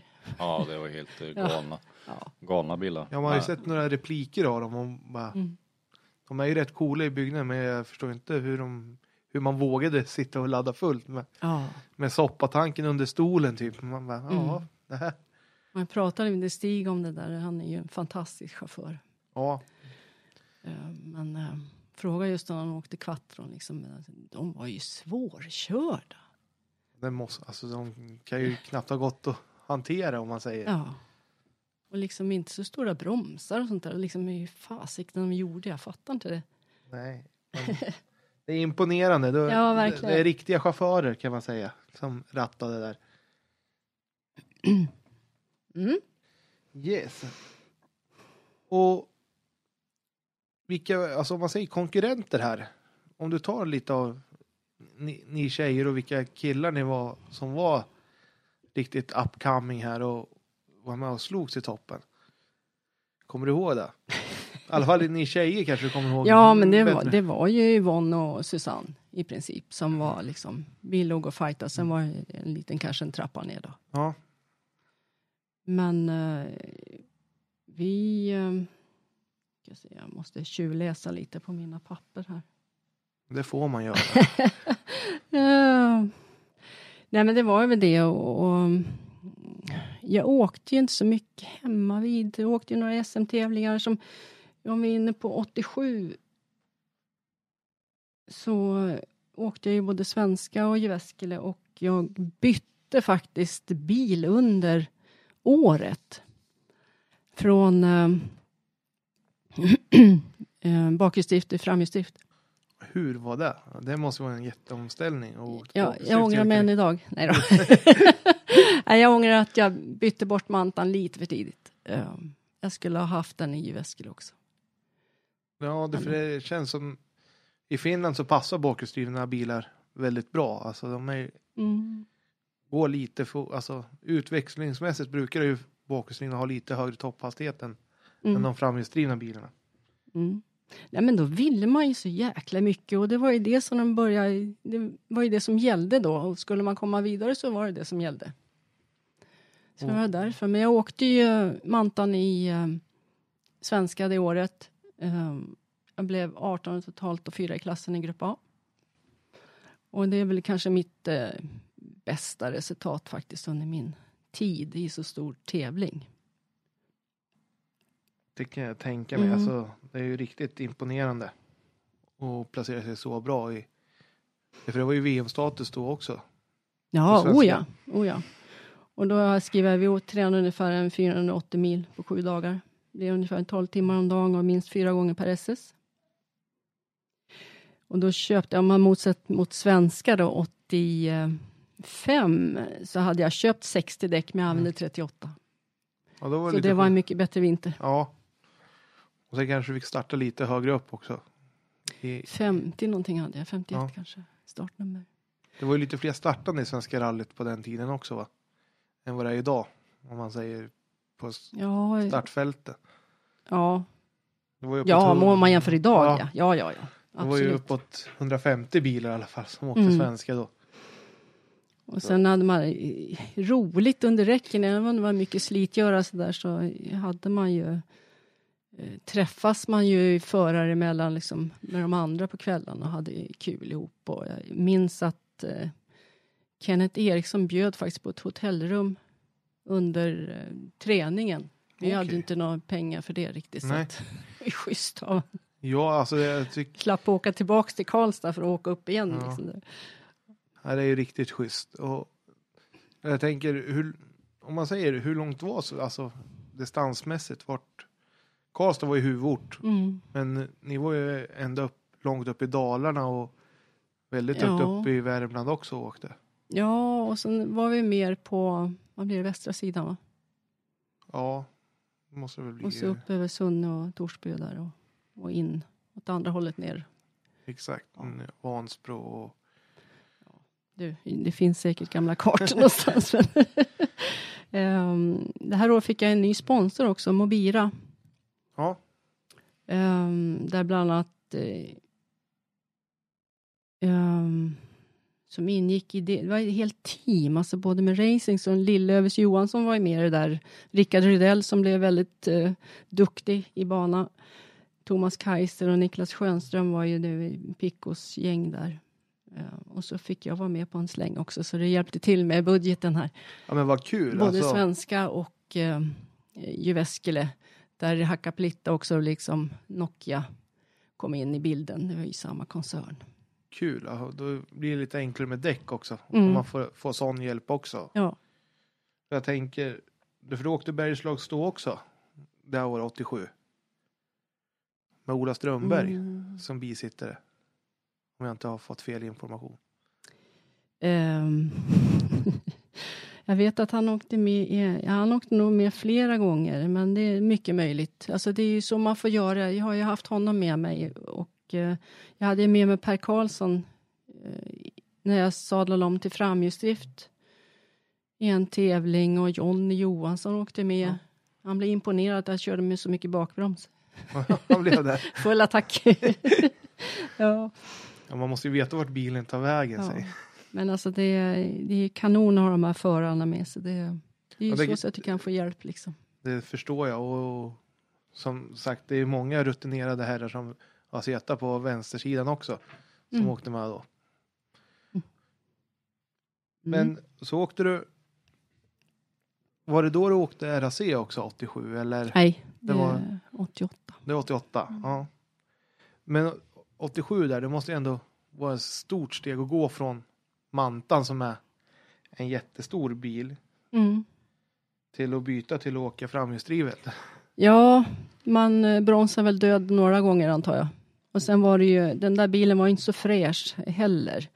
Ehm, så det var ju mycket jobb med den, få den fin. Men till eh, Finland var den ju i bra skick och Ja. snygg. Så. Men åkte du med Opel Team Sweden-färgerna då eller hade du Nej, den, egen? Det var eh. Nokias uh, Omibira. Det var ju gult, svart och vitt. Men det är ju snygga färger så det Ja, precis. Sen eh, när man... eh, jag tänkte just på, på Finland, när Jyväskylä där, då åkte ju bakom Stig och Bruno. De åkte, han åkte Ford då. okej. Ehm, och då fick vi deras rånoter. Vi gjorde så. Så de hade kopior. Så slängde de över till oss och så fortsatte vi och gjorde våra ändringar som vi ville ha på den. Så det var ju perfekt för att Jyväskylä var ju så stort, alltså vi tränade ju då 900 mil. Oh shit. Ja, då, så att det, men då måste man vara lite mör i huvudet och i Ja. kroppen överlag. Alltså 900 Ja. mil innan du ska åka tävling. och så hade jag bara en vanlig standardbil som träningsbil. Och du vet ju hur de här hoppen ser ut. Och jag tänkte, fasiken ska jag göra? Jag måste ju liksom hitta på någonting. med- Åka med någon och bara se hur det är. Så då fick jag kontakt med eh, Harry Toivonen, som, alltså Henrys bror då, som körde ihjäl sig förut. Ehm, han åkte Mazda då och, och ehm, sa absolut. Och vi åkte. Och han, jag har aldrig varit med om maken. Och så ser du glipa mellan tallarna där borta. Då vet du att du kan hålla in här. Och så var det liksom meterhögt gräs. Och varenda sten kunde han. Och hans målsättning liksom var att han, han skulle vara bland topp fem etapp ett. Resten sket han i. Andra sträckorna körde han bara två gånger. Så det var hans målsättning, Ja. dessa tokiga finnar. Ja, men de, har- de har ju lite annan målsättning. Alltså de sätter upp korta mål kan Ja. man ju säga. Och där åkte jag även med Stig liksom, för att liksom, få någon känsla av hur det var. Och då, efter det så var jag inte så rädd faktiskt. För det. Det, Nej, det kan jag tänka. Alltså, det är ju inte, det är två jätteduktiga chaufförer som du åker med. En vildhjärna och, mm. och Stig kan jag tänka mig, han var mycket mer. Alltså, Han är ju lugn, han är som en filbunke. Ja, jag tänkte säga, det, det var inte så mycket som... Ja, en rikt, en riktigt proffs. Jag åkte ju även med, det var under svenska, så fick jag tillfälle att åka med Kankkunen. Då åkte han ju Lancia. Ehm, Då var ju det som en grupp A, va? Ja, det måste det vara. Ja, Mm. Men det var också roligt, alltså hur de kan. Det, det är otroligt. Alltså man Ja. förstår ju hur, hur mycket det krävs för att komma till världstoppen när man Mm. har åkt med någon sån chaufför. ja. Nej, det är jätteroligt. Under de här träningen som var så träffade man alla de här världsstjärnorna på då. Vi hade kräftskivor ihop och det, ja, vi hade mycket skoj så det är ju roligt. Ja men det var ju det. Alltså, halva grejen var ju runt tävlingarna. Och Mm, tävlingarna i sig och sen allting efteråt och före. Alltså, mm, det känns som det var väldigt socialt alltihopa. ja. Och det var ingen som var för mer än någon annan utan det, Nej, om man var där så fick man kanske inte lika mycket hjälp heller. Nej, så, nej. Alltså, nej. man blev lite utstött av de andra om man inte hjälpte till. Till Mm. de här som var lite nyare i gamet. Ja men precis. Men Ja. fortsatte du någonting hemma efter du hade varit i Finland? Efter, för ni rullade ju då, som du Ja. sa i början av programmet. Eh, ja, men precis. Eh, så var det. Och eh, vi kom iväg ändå, men sen uppstod det något elfel så att eh, vi överskred maxtiden så vi fick bryta. Det måste ju varit tråkigt. Kommer du ihåg i, vilk, i vilket område? För det var ju i Jyväskylä, men hur långt ner åkte ni? Kommer du ihåg det? I Finland. Var det ner mot Lahti och där också? Eh, ja, jag vet bara att det hände på sträcka 21. Att jag låg åtta i klassen och 30 totalt ungefär. Och då hade jag inte åkt många tävlingar med kadetten. Så det var ju också bra att jag fick åka så mycket som möjligt med den då för att få träna. Det kan jag tänka mig. Och 21 sträckor är ju... Det är ju vad ett VM-rally är idag. Du skulle ha åkt idag istället Ja, Lotta, eller då hade du kommit i mål. Ja, man vet aldrig. sen, sen har jag en sån där minne från Sydsvenska. Det är ju eh, Peter Strid som har fortfarande sin gamla 400 kvar. Och hur man minns hur man dreglade Mm. över den där bilen när man var där nere. Det, Ja, som Opel-fantast måste ju både Manta 400 och Ascona 400 vara riktiga ja, det är dröm, drömbilarna. Ja, ja, men visst. Så är det ju. Det måste ju vara som om när vi ser en VRC-bil idag. Ja, men det är häftigt. Ja, det är ju så Ja. häftigt så man får gåshud vad man tänker på det. Ja. Ja, nej de är ju riktigt roa faktiskt. ja. Ja. Mm. Och hur gick det i Sverige då under 87 där med bilbyte där? Du lyckades du vinna tjejer? Ja, det gick hem och där var det ju rekord då i en sista deltävling var det 26 startande tjejer. 87, ja det är ju riktigt imponerande. När, tror du att vi kommer få se någon sån utveckling i, i Sverige igen? Att det blir så populärt bland tjejer? Nej, Du tror inte det? nej. det tror finns för mycket inte. annat att göra nu. Ja, det är andra intressen idag. Det kanske blir efter corona nu när folk börjar tänka efter vad de ska göra. Gå tillbaks. Ja, vi får, det, är nu, det gäller nu man skulle marknadsföra sig. sig. ja, ja. Jag säger, rally borde ju kunna komma igång lite lätt om, om man hittar något bra sätt. För man sprider ju ut allt på så, så Mm. mycket om man åker i skogen. Ja, men alltså det är ju tuffare idag för arrangören att hitta vägar och få tag på funktionärer och eh, Ja, det, Det vet jag. svårt. Ja. Jag som är bara i arrangörsleden egentligen vet ju Mm. att det är ju väldigt svårt att hitta Mm. Funktionärer, f- funktionärer framför allt. Mm. Vägar. Vägar tycker jag är, om man sköter sig så får du oftast komma tillbaka. Mm. Men det är alltid kul att prova några nya vägar. Ja, men Ja. visst. Eller som inte har gått på väldigt länge. Mm. Och då måste man ju verkligen vara medveten och visa upp att man sköter sig när man väl får komma in på någon ny väg. Mm. Ja, men det är ju så, som man får man hjälper sin hemmaklubb när det är tävling. Man börjar liksom med i anmälan och, sen så skjutsar man runt som säkerhetschef för domaren och, och sen så är man med på under hela resultat och hoppas att det inte händer en olycka och sen är det prisutdelning och sen får man städa. Sen är det, Ja. det är egentligen då det, det är då man ska ta reda på allting efteråt. Alltså Mm. fram till tävlingsdagen då är det mycket jobb med förberedelse, med pilning och det arrangörer blivit väldigt bra på det här med att, att hjälpa till någon som ska kratta efteråt och sätta upp plast eller masonitskivor för att det inte ska komma ut så mycket grus och där, Mm. i trädgårdar och där än vad det var förr när man ser. Då åktes det, äh, ibland ser man vissa svängar där man har åkt upp en hel gräsmatta och de bara står på altanen och skrattar typ. Ja. Om det skulle hända idag så vet jag inte riktigt om man, då, då är man nog inte välkommen tillbaka. Så Nej, nej, precis. Man Så. måste sköta sig. Och nu med Mm. så, så mycket sociala medier så är det verkligen viktigt att det är så lätt att det sprids negativitet Mm. utåt och, och det blir, den spridningen blir alltid så mycket större än den positiva Mm. feedbacken man får från tävlingar också. Mm. Jo, men precis. Så är det ju. Det gäller ju aktiva också att Mm. om det är någon som missköter sig så kommer det ut Mm. så och om det är någon som sköter sig och är jätteduktig och berömmer det, den får inte alls lika mycket publicitet. Så, Mm. så det är viktigt där Mm. att man tänker på vad man, vad man lägger ut och hur man lägger ut det. Precis. Så. Sen, Men- finns det, sen finns det alltid åsiktsmaskiner. Ja, jag kallar det, det för. det finns ju det. Alltså det kommer vi aldrig komma ifrån tror jag. Ja. Men eh, sen då, när du skulle åka svenska i en framhjulsdriven, alltså vinter i en framhjulsdriven bil. Ja, hur var det, det? blir eh, 88 då. Ja, just det. Ja. Mm. Ehm, nej, men det gick uh, skapligt faktiskt. Um, Tjejarm eh, tog jag igen.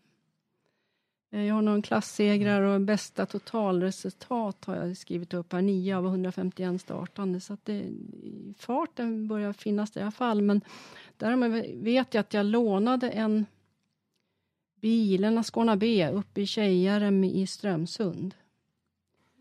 Eh, för att den inte var klar, tror jag. Och eh, jag lånade bil, eh, Manta, i Tjejarem i Mönsterås, för jag ville spara min egen bil för jag skulle åka skotska rallyt med den. Jaha ja, det Mm. låter ju spännande. Alltså, så du lånar ihop lite bil? Ja, de var snälla. Låna ut kartis och bil. Men det var 88 eller? Ja, det var det. Ehm, för jag tänkte att det, det är bra att ordinarie kartläsare är med, så ifall det händer någonting så Exakt, är det fler som talar om vad som har hänt. det låter ju bra där. Men om vi säger, om vi ska avsluta 87 då, vad, det måste ju ändå vara ett år med mycket, mycket minnen om man säger, när, när man byter bil under säsongen och, och allting börjar Ja, bli visst. riktigt professionellt här känns Ja. det som. Ja, men precis. Så var det. Det var... Här har man tagit några steg till. Så en sammanfattning där, vad skulle du säga om året? Är det Ja, ett, ett av de lärorikaste i Ja. karriären? ja och roligaste. Jag kan tänka mig Mm. att få, att få vara med om Ja, jag får pengar och kan, kan liksom... Vad heter det? Sväva ut lite då och, och satsa mer. Ja, och speciellt så här. Vad, vad är det du kommer ihåg av spon sponsorerna mest under det här året? Vad var det som gjorde att det blev extra bra? Det var att du kom med i... Ja, det här Eh. med mobila sponsringen som var och hacka då. Nokia. Det kan jag tänka. Alltså det måste ha varit väldigt stort på den tiden. att få så mycket hjälp. Mm. Jo, men det var det. För det och, och räckte ju fortfarande ha Opel Team Sweden bakom sig också eller? Ja. Oh, ja. Så det, det, var, det, känns, alltså det känns ju som att eh, så, så stora satsningar finns riktigt inte idag eller skulle du kunna se någon sån i Sverige just nu? Det var en bra fråga. Ehm, det finns det säkert. Men jag, jag tror att det är svårt om du tänker liksom eh, fabriksspons på det viset. Det ju, finns ju inte. Nej, alltså Nej. Det, i så fall är det ju privata aktörer som har, Ja. har gjort team som, Mm. som är med och stöttar. Men Ja. det får fortfarande, Men det är ju helt, helt annorlunda idag. ja det, som, som du sa, över 900 mil träning. Det, det får inte ens VRC-förarna göra längre heller. Det får de Vi, göra. via datan eller? Ja, vi- det, då är det virtuellt när de åker. ja. Så. Nej, spännande att höra så här hur, hur det var under den här storhetstiden med rally. För det var ju tack. verkligen, verkligen väldigt stort i hela världen, rally överlag. Mm. Under slutet av 80-talet där det blev ju en riktig höjning i rallyts Mm. Värdighet om man säger. Och det kom mycket profiler också. Ute både i Sverige och i världen som verkligen satsade på rally. Ja, ja, verkligen. Men hur var det att åka till Skottland då? Eh, Det var lärorikt. Eh, då hade jag en eh, engelsk kartläsare, kom med då. Den var ju på var ju 34 mil SS, skotska rallyt. Och eh, jag var chockerad över att däcken, det bara smulade sönder. Ja. Det hade jag tyckt jag hade tagit med mig bra med däck. Och det bara i den värmen som var och de här vassa stenarna, det bara smulade sönder helt. Så det fanns inga däck kvar, så det fick vi köpa till oss då. Sen hade jag nog an, lite andra problem med någon punkteringar och eh, eh, en bromsledning som gick av och sånt där. Men jag låg väl runt 30 totalt i alla fall och eh, sen fick vi bryta, fick ett, en, en brand i eh, instrumentbrädan innan slutmål så vi hann ju inte komma till mål. Det är över maxtid. Så, Så det sket eh, Så vilken då har man otur. kämpat liksom i 34 mil SS. så det- Ja, Ja, vilken otur. För det Vilket nederlag. Det måste ju vara värre än att rulla nästan. Ja, att man liksom nästan- man måste bryta innan du kommer till slutmålet. ja man är så nära. Det, Ja. det är inte roligt. det måste vara värre. Ja, och något man inte kan rå för själv heller. Ja. Utan en rullning, det kan du ändå, Ja, Det är dig ändå- själv för. den är mm. ändå du, du har ju gasat lite för mycket då. ja jo men precis. Men hur var det att ha en engelsk kartläsare då? Jo, men det, det funkade skapligt. eh, Och jag hade både svenska meckar och eh, han hade ett gäng med sig också. Så att eh, vårat samarbete började ju där då i, i princip. Som skulle utveckla sig till eh, brittiska mästerskapen året efter. Ja, är, vem var den här killen? Christopher Colen eller vad heter Ja, han? Chris Cullen. Ja, Eh, han bor ungefär en 30 minuter från Manchester. Han har ju åkt med en hel del förare i England. Ehm, Hur blev det han att var ju han, ut... Förlåt. Hur blev det att han eh, blev din kompis? Ja, liksom? det var genom någon kontakt som jag hade, eller som han tog kontakt med mig, som att han var intresserad av att försöka åka med någon. Ja. Ja, Ja, man undrar ju lite hur, på den tiden fanns det ju inte så lätta medel att få kontakt med folk som det är idag. Man Mm. vet ju inte om folk lika lätt. Nej, men på Nu tävlingar så där så Ja, sprids det, vet du. Så. ja. och vi åkte ju RAC då då också första gången det året. hur, Eh, hur var det? Alltså det måste ju varit en jätteutmaning i, i karriären att åka RAC. För det hör man ju, det är ju ett av de svåraste rallyna. Har många sagt.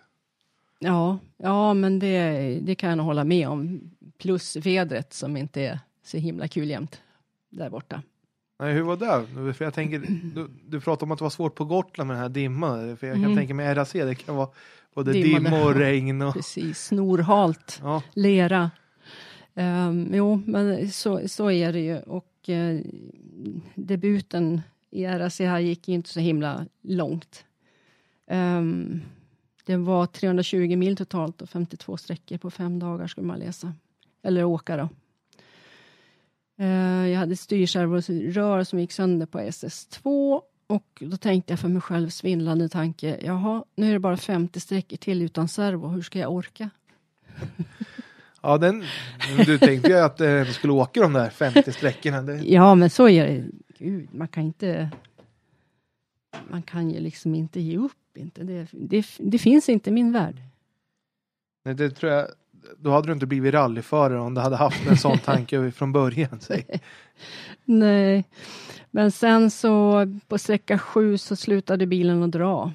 Och då provade jag att backa ifall det är det här äh, växelfingret då som har gått av. Men det var ingenting som hjälpte. Det kändes väldigt grymt för där stod ju sponsorer och, och eh, alla var ju där för att titta liksom. Och det var ju bara de här jävla, ursäkta, parksträckorna då första dagen. Så vi inte bara skulle ta oss igenom för sen börjar ju liksom rallyt då. Ja, det måste kännas surt alltså, få, ha fått dit så mycket, alltså som du säger, sponsorer där, så får man inte visa vad man, vad man går för. Nej men precis, för då hade vi fått kontakt med en engelsk återförsäljare som hade lovat mig en eh, Astra. Men Okej. den, den var aldrig, blev aldrig klar. Så jag fick ta min egen bil då. Alltså, då, var, då var det en hel process att skeppa över bil och det också kan jag tänka mig. Mm. Hur var det? Alltså, Jo, de här båtfärderna är ju legendariska över engelska kanalen Ja. eh, när det stormar och man ligger och håller sig i sängen bara för att man ska försöka hålla sig kvar överhuvudtaget. Men, men då, ni åkte båt alltså, ni flög Mm. inte över? nej, inte då inte. Nej. Nej, inte med egen bil. Men sen så flög jag över. Ja. För då hade jag ju den engelska bilen där. Och det var en två liters åttaventilare som var väldigt eh, bra i grunden. Hö- Men eh, högerstyrd. Då. Ja, exakt. Ja. Men där blir det 89, eller hur? Mm. du åker det. För då Precis. byter du modell av Opel också. För då blir det ju Astra, eller hur? Ni ska åka. Ja, ja, i England ja. Ja, Mm, men hemma hade jag ju 1800 kadetten kvar. Eh, och den åkte jag med faktiskt utan styrservo hela vintern. du gjorde Så det var rätt tufft. så då måste jag ju haft original. ja, du, du, Ja, så- det blev mycket gymträ. Du Ja, behövde inte gå på ja. gymmet kan man säga. Då måste ju gäddhängen ha försvunnit. Hur ja, precis. kunde du inte nypa? Ja, det brukar alltid finnas någonting att nypa i. Ja, det året åkte jag även i um, Rally Franken. Det var nog Susanne som låg bakom det. Det var, i, var 16 svenska tjejer som åkte ner faktiskt och åkte. Det var, alltså det måste ju varit en riktigt häftig känsla. Alltså, Ja, det var 16 tjejer, alltså jag tror det måste ha rätt varit unikt i, i världen då. Att det var så mycket. Ja, ja, det tror jag säkert. Vem kan stoltsera med sånt? För det visar ju att svensk rallysport har verkligen haft en stor bredd på från både killar och tjejer. Mm. Mm. Och, Ja, det, och det måste ju ge dig en eloge och Susanne och de här att ni ni måste ju ändå varit de som har byggt upp att det gick att åka fort bland Mm. och att visa att vi tjejer, vi kan det här och verkligen bjudit till också. Mm. Annars blir det inte så här populärt tror jag. Ja, nej. Då kom ju även Lisbeth här på, då började hon komma fram också, så att hon var jätteduktig hon också. Vem är där då? Lisbeth Carrot. Ja, Så. ehm, jag har bara skrivit upp här, det var en massa strul med fel däcksval, för där var det ju snöblandat och lera och grus och avåkningar och de var för lågt växlad den här bilen också. Det var väldigt snabbt där nere. Att jag blev eh, sjua klassen och 33 totalt. Jag tror Lisbeth blev 30 eller sånt där. okej. Susanne vet jag inte, men hon låg säkert mycket högre upp. Hon kunde ju åka bra där nere. Det får hon. Hon valde väl att åka mycket mer internationellt. Ja, hon fick Under- ju kontrakt med Volvo och sånt där så att eh, om man säger bilsmässigt så hade hon ju mycket bättre bil. Vi åkte ju egentligen i olika klasser. Ja. Det får hon åkte. Volvo Turbo rätt länge där va? Ja, och sen i Audi då, Ja. fyrhjulsdrift. Så att eh, så, så är det ju. Men åter till brittiska mästerskapet där då. Ja. Då går vi över till 89. Yes. England, ja, ja. Hur kom det sig att du fick en helt styrning i brittiska mästerskapet? Ehm, Det bör- påbörjades ju året innan där då, att eh, få till en budget till att åka. Och det var ju genom ehm, faktiskt en kontakt i eh, Mobira, en svensk Okej. som var chef där som hade startat upp ett mobilföretag i England, som hette Talkland. Ehm, Han sponsrade ju även Rickard Rydell då på den tiden. Mycket Det- med bana och Porsche har jag hållit på med och sånt där, men rally var nog bara jag. Det var bara, alltså du är unik. Jag, Det- jag, en väldigt speciell man som jag står mig nära hjärtat. Han är fantastisk. Du, det kan jag förstå. Alltså, att få en sån här möjlighet att åka över. För i England, där fanns ju alla de här fabriksteamen som, som man ser idag. Mm. De har ju oftast en bas i, i England. Eller, England är lite större än Sverige i bilmarknad överlag. Så. Ja, men visst är det. Och det är- Intresset också. Det är enormt där borta. Eh, så då hade jag ju Chris eh, kompisar som var med på eh, tävlingarna i Mecka, jätteduktiga killar Mm. och sen däremellan så det fanns ju två bilar till i Tåkland-teamet och bland annat en då som skulle sköta den här bilen mellan tävlingarna. Okej. Och mecka mellan och byta delar och sådär. Um, Men du var, du var själv svensk i teamet i alla fall. mm. Oj, så att eh, engelskan blev jag rätt bra på. Du blev det? Ja, jag kan tänka mig det. Ehm, och då åkte vi bland annat, den första var i Cartel Rally, det var ren grus. Och där fick jag bryta. Den här säsongen blev ju inte så himla bra som man hade hoppats på. Ehm, för den dog några mil från SS-målet på 90, ja, slutet, nära mål i alla fall. Ehm, och det gick väl skapligt ändå att sitta på högersidan. Det, det, växlingarna funkar inte så där kanon och sen ehm, blev det någon incident och man letade efter handbromsen så var man inne i dörren och letade. Ja, det, det måste vara jättelätt hänt i alla fall i början så här att man Ja. rök, rök åt fel sida. Sig. Den andra tävlingen gick ju på Irland, både nord och syd. Ja, Circuit of Ireland, en ren asfaltstävling. Var lång, lång, tuff. Där blev jag 24 totalt. eh, Och eh, här roliga grejer som minns när vi, då flög vi över. Eh, Okej, ja. Och hans meckar hade tagit över bilen till Irland. Och ehm, taxin som kom och hämtade oss, eh, så blev det liksom en guidad tur runt eh, en eh, artist som heter Christer Berg. Som han ville visa oss, varför det vet jag inte. det var sen- något han var stolt över att han Ja, visste precis. säkert. Han skulle visa sin kunskap. Ja, och så hade jag bestämt mig att jag skulle jogga lite en tur och så hade jag tittat ut på kartan och sagt men det här blir en lagom Ja. sträcka sådär. Och naturligtvis sprang jag ju bort mig och jag hade ingen aning om var jag var och så stannade två irländska kvinnor och frågade efter vägen till hotellet. Ja. Och det slutade med att jag fick följa med dem runt halva stan och de skulle visa en det ena, en det andra och bjöd hem mig på fika. det tog tid. Så Chris var något eh, orolig så han sa det Swedish rally driver lost in Dublin, big headlines. Mm. Ja, men det var ju kul att de var så generösa och Ja. tog med dig hem och ja, ville ja. ja, det var verkligen roligt. gästvänliga om inte annat. Mm. Säg.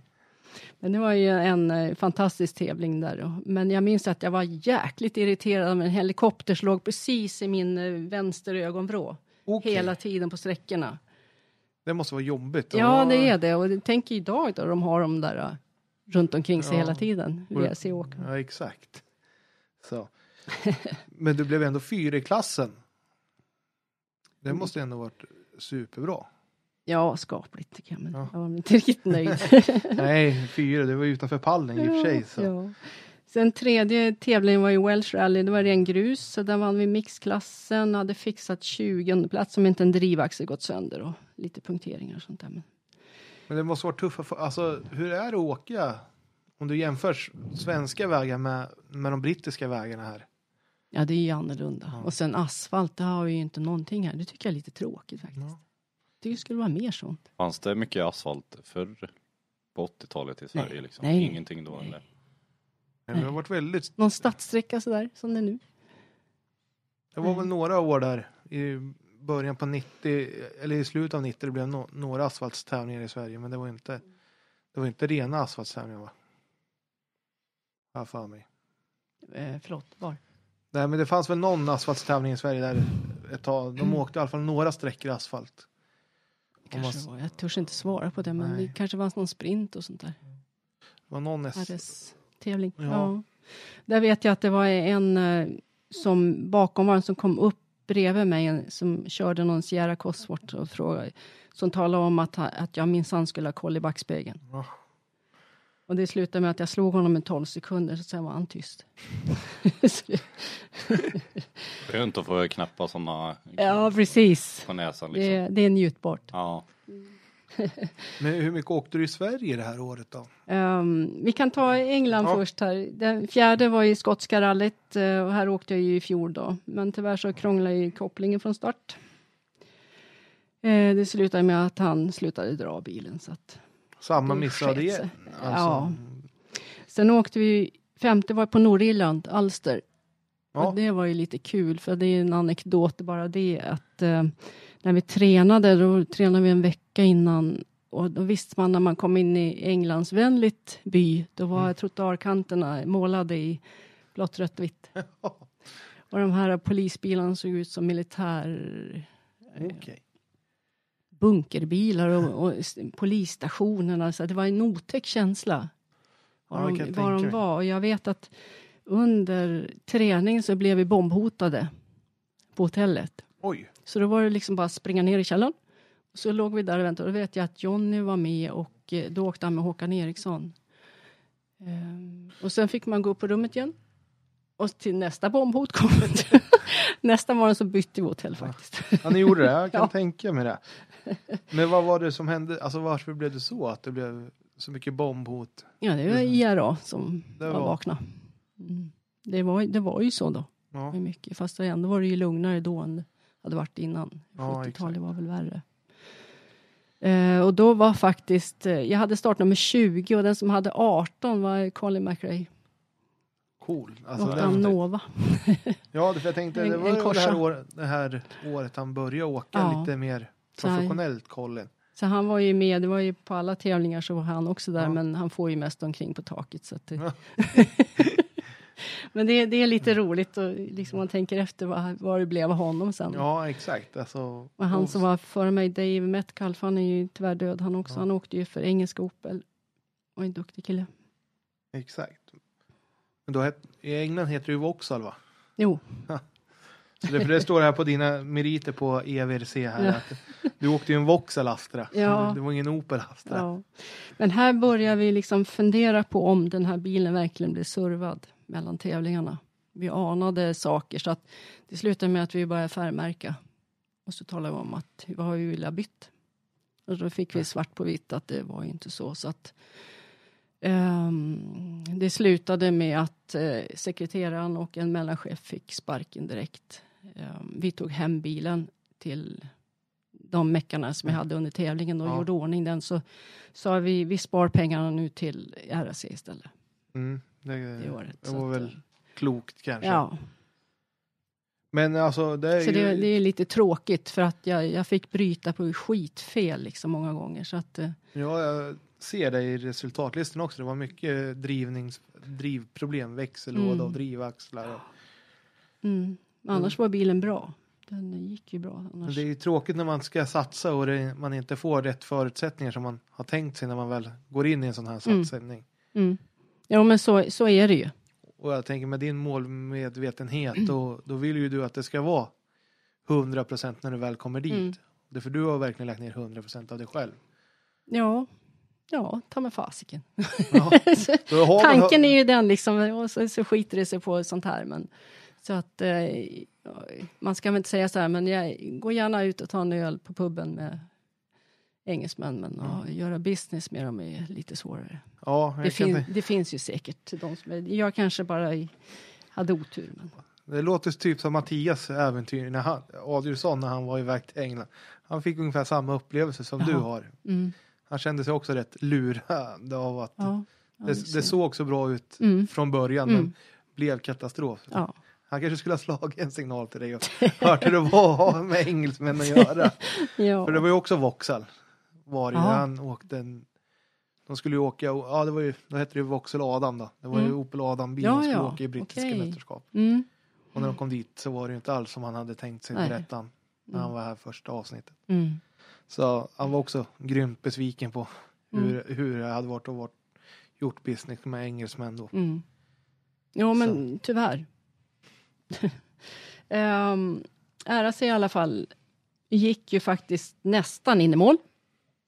Eh, vi fick bryta på 47 sträckan av 52.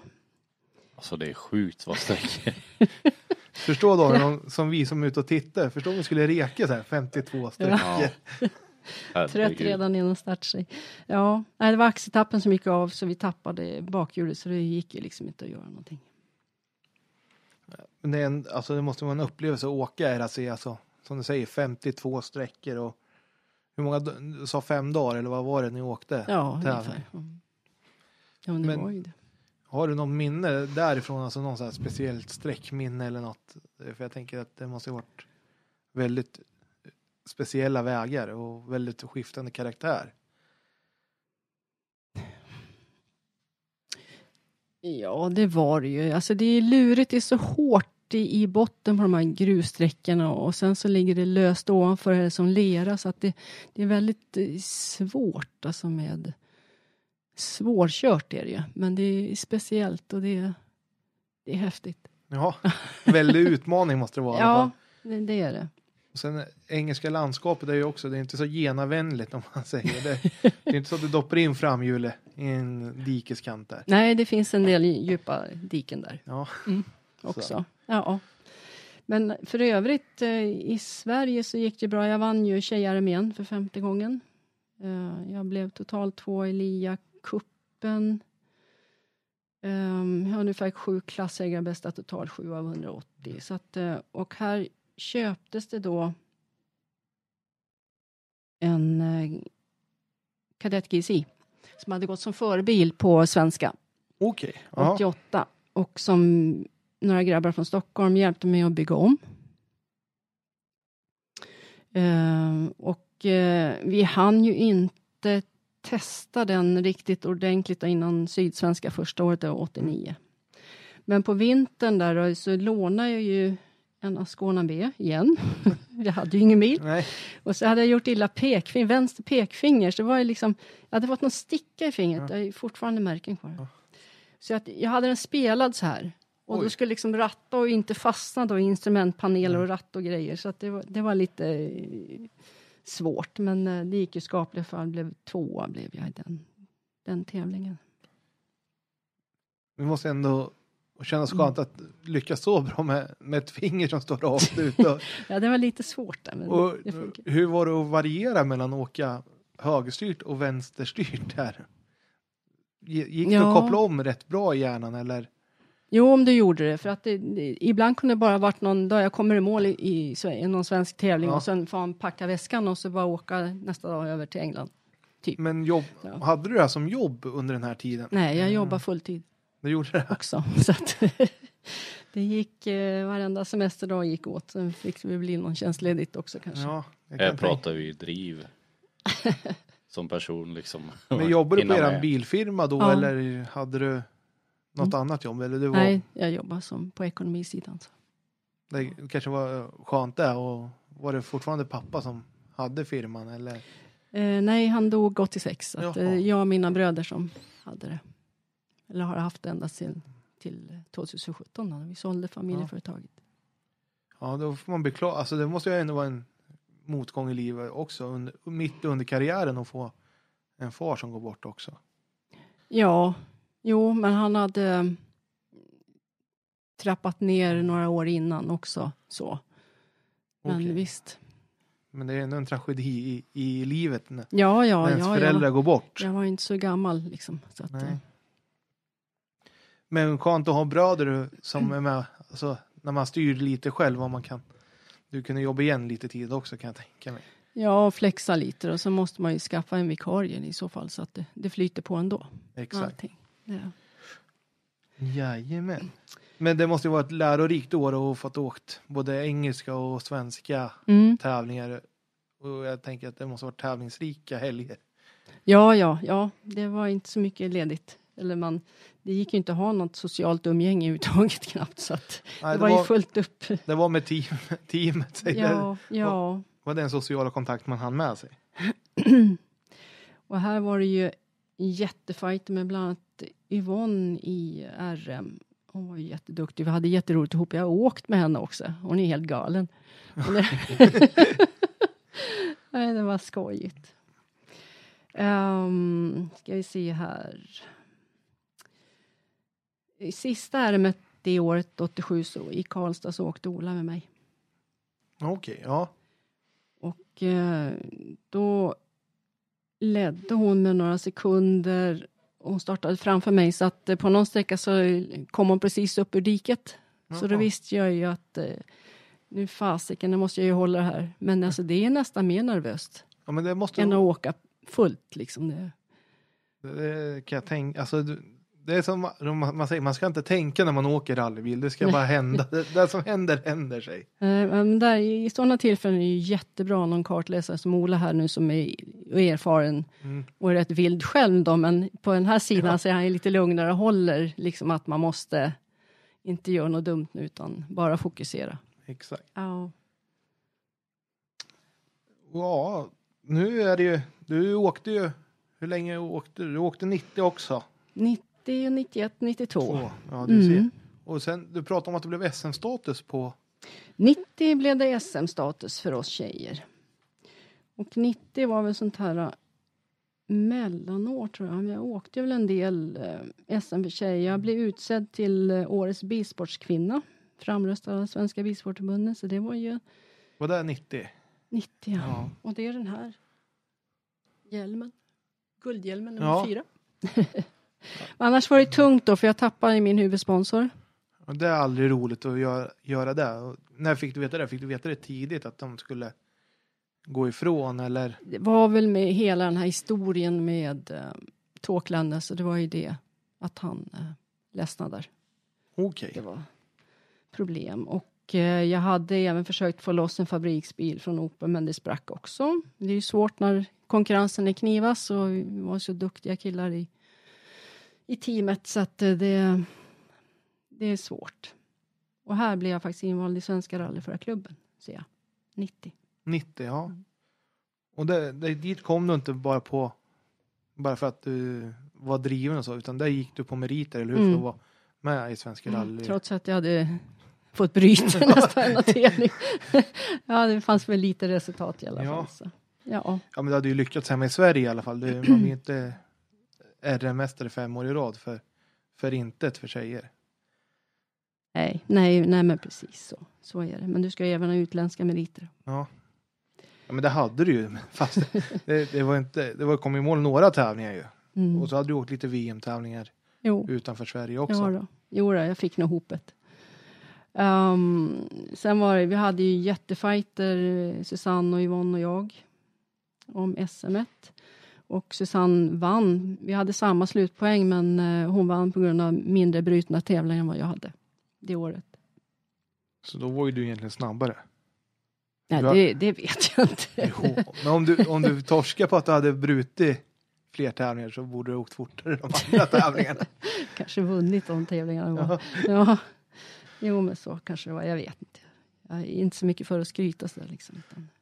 Jag vill visa dem vad skåpet ska stå. Eller. Exakt. Ja. Här åkte jag också någonting som heter Five Star Rally i Finland, blev sjua det året. Sen om man hoppar vidare till 91 så blev det ju SM igen då, etta. Och här fick jag ett Mm. lokalt pris, eh, årets eh, bästa idrottsprestation, så det var lite roligt faktiskt, där hemma vid. Ja, det måste ju vara väldigt upplyftande. Och så fick jag ett väldigt fint brev från Opel faktiskt, från 91. Eh, Ingår Lotta i Opel Team Sweden och får därigenom väsentliga starkare stöd än tidigare. Det har hon gjort sig förtjänst av. Så det var ju lite roligt faktiskt. Ja, Häftigt. verkligen.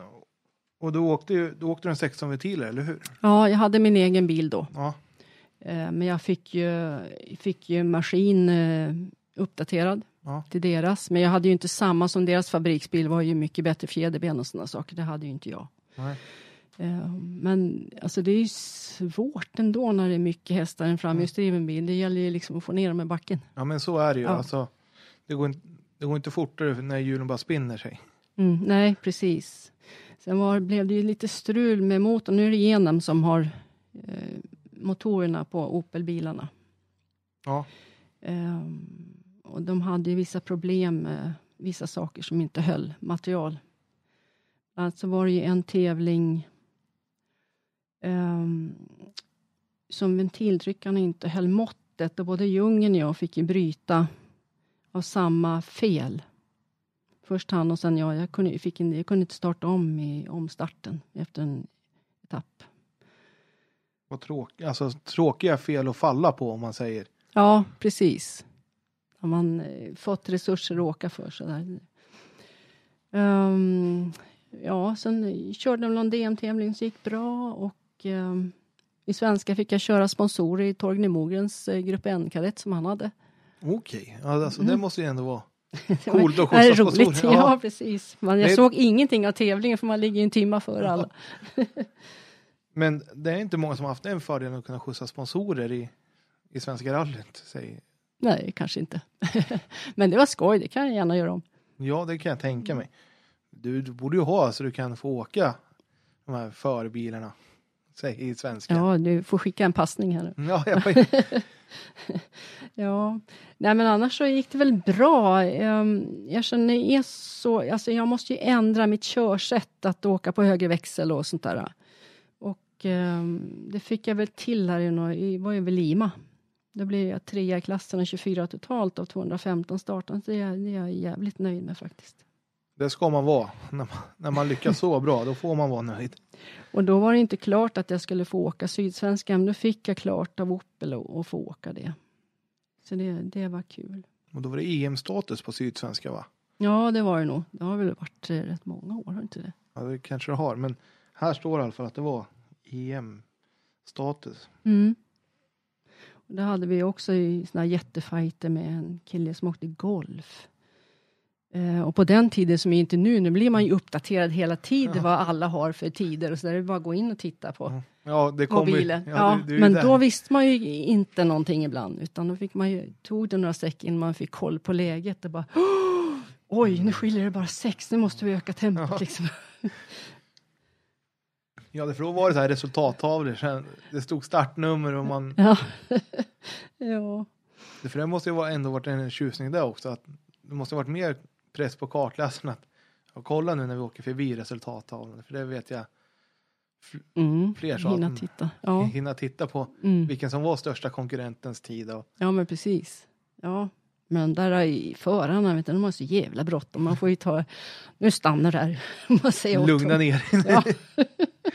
ja, jag hade en rolig grej från eh, tjej-SM i Vårgårda var det. Letade hotellrum var vi ska bo någonstans och då blev det turistbyrån som jag ringde till och då hade de någon förslag på någon ja, man som hette, kallade sig för Solsken som var billigt övernattningsställe.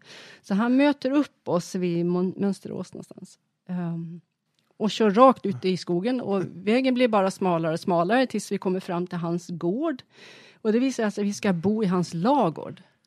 Så han hade något, eller madrasser i spiltorna och killarna fick sova på foderbordet. Och sen kom man tidigt på morgonen och, och med massa korv. Ehm, och sen när jag bad om kvitto såg han bara mest frågande ut. Eh, I alla fall så, när vi kommer i mål så dyker han upp igen Ja. med sin käpp. Gick där. Och ville att vi skulle sova där en natt till. Och då, jag kommer ihåg att jag sa någonting artigt, liksom, nej men vi ska åka hem. För inte ville vi fira vår SM-seger i hans lagård, det kan jag ju säga. Väldigt skum gubbe det där låter ja, ja, väldigt skumt. Vi var livrädda för. Under det här året så åkte jag även med, han hette Ola Larsson som åkte historiska då på den tiden i England bland annat. Det var kul för sig. ja, Ehm, I BAF, en 50 mil lång och det visade sig, jag trodde bara att det var en vanlig tävling att Ja. åka med. Men det visade sig att det var en ren nattetapp med orientering. Okej. det, det hade jag liksom aldrig gjort i hela mitt liv. då, fick du jobba lite kan man säga. Ja, verkligen. Och eh, det började på dagen i alla fall, så gick torkarmotorn sönder. Det, och det vet ju i England så regnar det rätt en del. Ja, det, Han var färdig på att ge upp och det, det finns ju inte i min värld. Nej. Vad då ge upp? Det kan man inte göra. Så vi stannade på en mack och så köpte jag en bit snöre. ja, Och så drog jag liksom i torkarna så här. Plus läsa karta och rodbok. så det var fullt upp och sen så vet jag att jag uppdaterade den där versionen till en gummisnodd. Så då behövde jag bara dra åt ena hållet. Ja, men uppfinnings, uppfinningsrik i alla fall Ja. som kommer på lösningar. På, Ja, men jag är någon sån. Jag, jag kan deppa upp fem sekunder Ja. och sen måste man hitta en lösning på det. det, det så är det. Eh, men det gick bra. Vi hittade i alla fall alla kontroller, men eh, tiden kanske inte var så där jättebra. Det blev nio totalt. det. Sen åkte vi även i Danmark ihop. Så det var kul. Ja, det, alltså, det är en upplevelse i sig. Alltså, Ja, så, så och där roligt, kommer- roligt gäng veteraner som var med från Sverige. Det var ju många. ja, det kan jag tänka Ja. mig. Alltså. Det, för det har varit rätt populärt att åka över för svenskar och åkt i Mm. England om man säger. Det är jo, någon- det är väl bilsportens mecka nästan. Ja, men det är ju där lite. Ja. Det är där det, mycket kommer ju från England om man säger. Ja, ja men precis. Så. Så är det. Men Mm. du fortsatte ju att kämpa på här i, i Sverige och lyckades ju ta ett SM-guld, eller hur? Ja, det gjorde jag även SM-poäng till en viss del då. Det som jag kunde, det som jag hade råd att åka. Något. Annars var väl 87 det, eller 89. Måste jag tänka efter. Ehm, jag skrapade ihop ett antal. Jo, 87 var väl det bästa året. Då fick jag ihop både SM och EM-poäng. På fyra tävlingar av åtta. Så det, det är ju så. Jag, jag har inte råd att åka alla SM. Och det blev ju så. Eh, ju mer man kommer in i Opel-teamet så är det ju de som bestämmer. Om Ja. man får åka. Det, det är ju för och nackdelar med allting. Det är en himla ära att vara med i ett team. Men, Man blir lite styrd och Ja. får, göra som man blir tillsagd. Sig. ja. Så 92 var ju sista året jag åkte och då fick jag ju även en fabriksbil av dem, en Corsa. Och det var ju också en omställning då från kadetten till eh, En 215 hästar kanske Ja. mot 1154 vad Corsan hade. Men, Exakt. Åh. men den var ju fantastiskt lättkörd. Du, du kunde ju liksom göra vad du vill. Ja, men det är många som säger Corsa är ju en av mångas favoritbilar. Mm. Alltså den, den går dit, dit du styr, där, dit går bilen. Mm. Ja, men precis. Det kanske skulle ha varit bra med lite fler kusar, men eh, det var helt okej. Ja, den är ju Ja. lite mindre också, säger så. Så där tog vi ju tjej-SM också då. Men det är väl skönt att få av, alltså, avsluta den professionella karriären på, med två SM-guld i, i tjej-SM. Mm. Och det var ju så, vi, hade, vi fick ju även Opel servicebussen eh, Cheva. Eh, som vi hade, jag kommer ihåg tillfällen när vi var på väg söderut eh, och vi Växjö på stora E4 där så var det Tommy som körde. Så tappade vi ena bakhjulet på Cheva bussen som for tvärs över motorvägen. Och då är det ju rätt bra att ha en extra bil att lasta av och åka in till Växjö och hämta pinbultar. Ja, det är så här. Där, jag tror har- alltså, så där tror jag har hänt med rätt många rallyåkare. Alltså, man kanske inte skötte servicen på, på servicebilarna, men tävlingsbilen var ju fullt servad i alla fall. ja, precis. Ehm, I Hofors, då blev jag faktiskt dopingtestad för första gången i mitt liv. Men det var ju också en upplevelse. Att försöka sitta och Mm. Kissa när man inte är ett dugg kissnödig och tillsammans med någon okänd kvinna som skulle sitta med där och titta. När man inte gjorde något fuffens. Det tog, det tog några timmar. Ja. Det måste ju vara ett väldigt konstigt arbete, dopningstester. Och titta på någon som ska kissa Ja. inte rör sig. Ja. Jättetråkigt jobb. Ja, Ja. Jag kan, som du säger, det, det, vissa måste ju vara så här. Man kan ju inte kissa på beställning. Nej, det är går ju inte. Det, tänk, det måste varit väldigt så här. Jaha, vad pratar man om? Den Ja, ena, precis. ena ska sitta och kissa och den andra ska kontrollera att det går Ja. rätt till. Ja, man försöker väl skämta till det. Ja. Det är inte så lätt. Och så här, myndighetspersoner brukar vara rätt strikta av sig. Så det, ibland, de har lite svårt att dra på smilbanden ibland. Jag vet, Ja. jag pratade med någon av de här som var nere, det var någon SM-vecka för ett par år sedan. Mm. Och eh, vad man än sa så alltså, det var så här riktigt korrekta svar och man försökte få till lite skoj. Det var så här stoneface. Man bara, ja, ja, precis. måste vara lätt att kissa för en sån här person. Ja, precis. Och sen har man ju liksom suttit och svettats i en rallybil. Det finns inte så mycket över då. Då Nej. får man ju hälla i sig både det ena och det andra. Det tar ju en stund innan det rinner ner. Ja men det gör ju det. Ja. Men Mm. Korsa sista året alltså, Mm. vad hände sen då? När du, Hur, hur skulle du sammanfatta din professionella rallykarriär? Ja, hur ska jag sammanfatta den tycker du? Det, Ja, det... jag, jag bara slutade. Ja. Det var ingen nedtrappning eller någonting utan sista var Reimerrallyt i år på hösten. Mm. SM-tävling. Ehm, nej, jag var rätt trött. Jag hade funderat redan då innan om inte det hade hänt att jag skulle få en fabriksbil. Att Mm. jag, ehm, så att eh, tanken har ju funnits där. Man hade inte det energin längre riktigt. Nej, det är väl rätt hektiskt att hålla på så mycket Ja, intensivt så länge. ja. Och sen driva ett och eget sen företag. vis, visste jag att eh, jag skulle inte få samma förutsättningar år, nästa år. Och sen började jag bli till åren kommen, det där med barn. Jag hade flyttat ihop med min dåvarande exmake så att eh, ja, det var kanske dags att säga tack och hej. Med flaggan i topp. Det, det är så man ska göra. Man ska sluta med flaggan i topp. Sen, sen som du säger, alltså om man vill ha familj där så måste man börja tänka på sånt också ju. Mm. Ja men precis, även om jag menar som tjej är det ju egentligen inte så mycket hinder utan går att involvera det mesta idag. Eh, Exakt. Mm. Men det här var ju en ri- riktigt rolig berättelse att höra. Alltså hur man kommer, kommer från att bli in, instyrd lite lätt av pojkvän och sånt till att bli så jätteduktig som du var under de här åren. Ja, det vet jag inte, men tack så mycket. Men vilka år skulle du lyfta fram om du fick frågan under den här epoken från 79 till 92? Vilka år skulle du säga att du tar med dig mest i din karriär? Det är nog 87. Och sen i början eh, var ju också roligt. Faktiskt, det, det måste Ja. jag säga.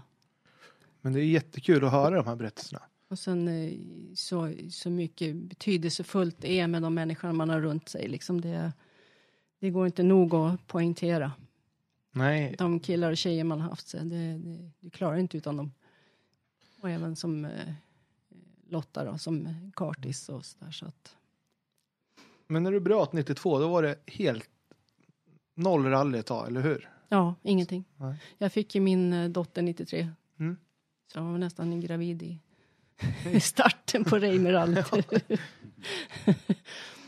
Nej, men och sen så tog du upp karriären här för några år sedan, säg. Ja, jag åkte ju med Tommy vid några tillfällen. Jag vet att jag har någon minne från 02. Åkte jag med första gången läsa noter och han ville ha siffror. Och jag är ju uppfostrad med beskrivande. Men det, det gick bra. Ibland blev det vänster, det blev vinkel. Liksom. Det blev det ju fel. Men det, det han är så snäll så att eh, det gör inte så mycket. Men jag tycker det är skitkul att, att läsa noter faktiskt. Och hela den biten. För du måste vara så fokuserad. Eh, Du kan ju ge tips och råd. Jag åkte ju jag har ju åkt med flera stycken. Det roligaste kanske är det med en totalseger med Björn Aldersson på Gotland. Ja, För då var ju- 2016. Ja, för då var ju liksom... Ska man överhuvudtaget våga sätta sig i en sån bil? Ja, som med, honom, Ja. med honom som chaufför. ja, ja, men alltså det, jag säger det, det är ju liksom ingen match att sitta i en sån där bil. Den går ju som ett strykjärn. Ju sämre väg desto bättre går den Ja. Det om man jämför med Tommys Korsa som hoppar och far överallt liksom, så är det lugnt. ja, alltså vi var ju och fick åka med i R5 med Skoda här i, Ja. i november. Alltså, det, farten var inte det som var det imponerande. Det var ju väghållningen. Mm. Ja, det är Alltså, helt fantastiskt. det var ju typ en skogsbilsväg vi åkte på Daniel. Ja, det kändes ju som att åka på plan asfalt nästan. Och det var ju rätt uppkört. De har ju åkt några vändor där. Vi, Mm. vi var sista gänget som fick åka. Mm, Och man bara tänkte det här, alltså så mycket grepp som det fanns alltså. mm, mm. Det, var- det var imponerande. Jag åkte ju med Martin Hagman också. Jag åkt med 2012 var det rätt mycket. Sen även senare de i Skodan. Mm. Så att det, det är ju en fantastisk bil. Alltså. Ja, det kan man verkligen säga. Mm. Alltså riktigt. Där ser man vad utvecklingen gör med fjäderring och med setuper på bilar om man Mm. säger. Mm. Sen kom ju det här med Midnattssolsrallyt som man var och tittade på. Det var ju jättekul. Eh, och 2012 åkte jag ju med en klubbkompis, Uffe Pettersson, som även har varit mekaniker till mig. Eh, han åkte ju en Volvo 240. Och det var ju jättekul också, för han... Eh, vi, vi presterade bra. Eh, det var ju med noter då. Det blev 16 totalt och tre i klassen, så det var ju... Det var riktigt skoj. Men däremot, eh, och så vet jag att jag åkte med Martin, då hade han Mitsubishi i någon SM-tävling. Men efter det så, jag har en rygg som är kass.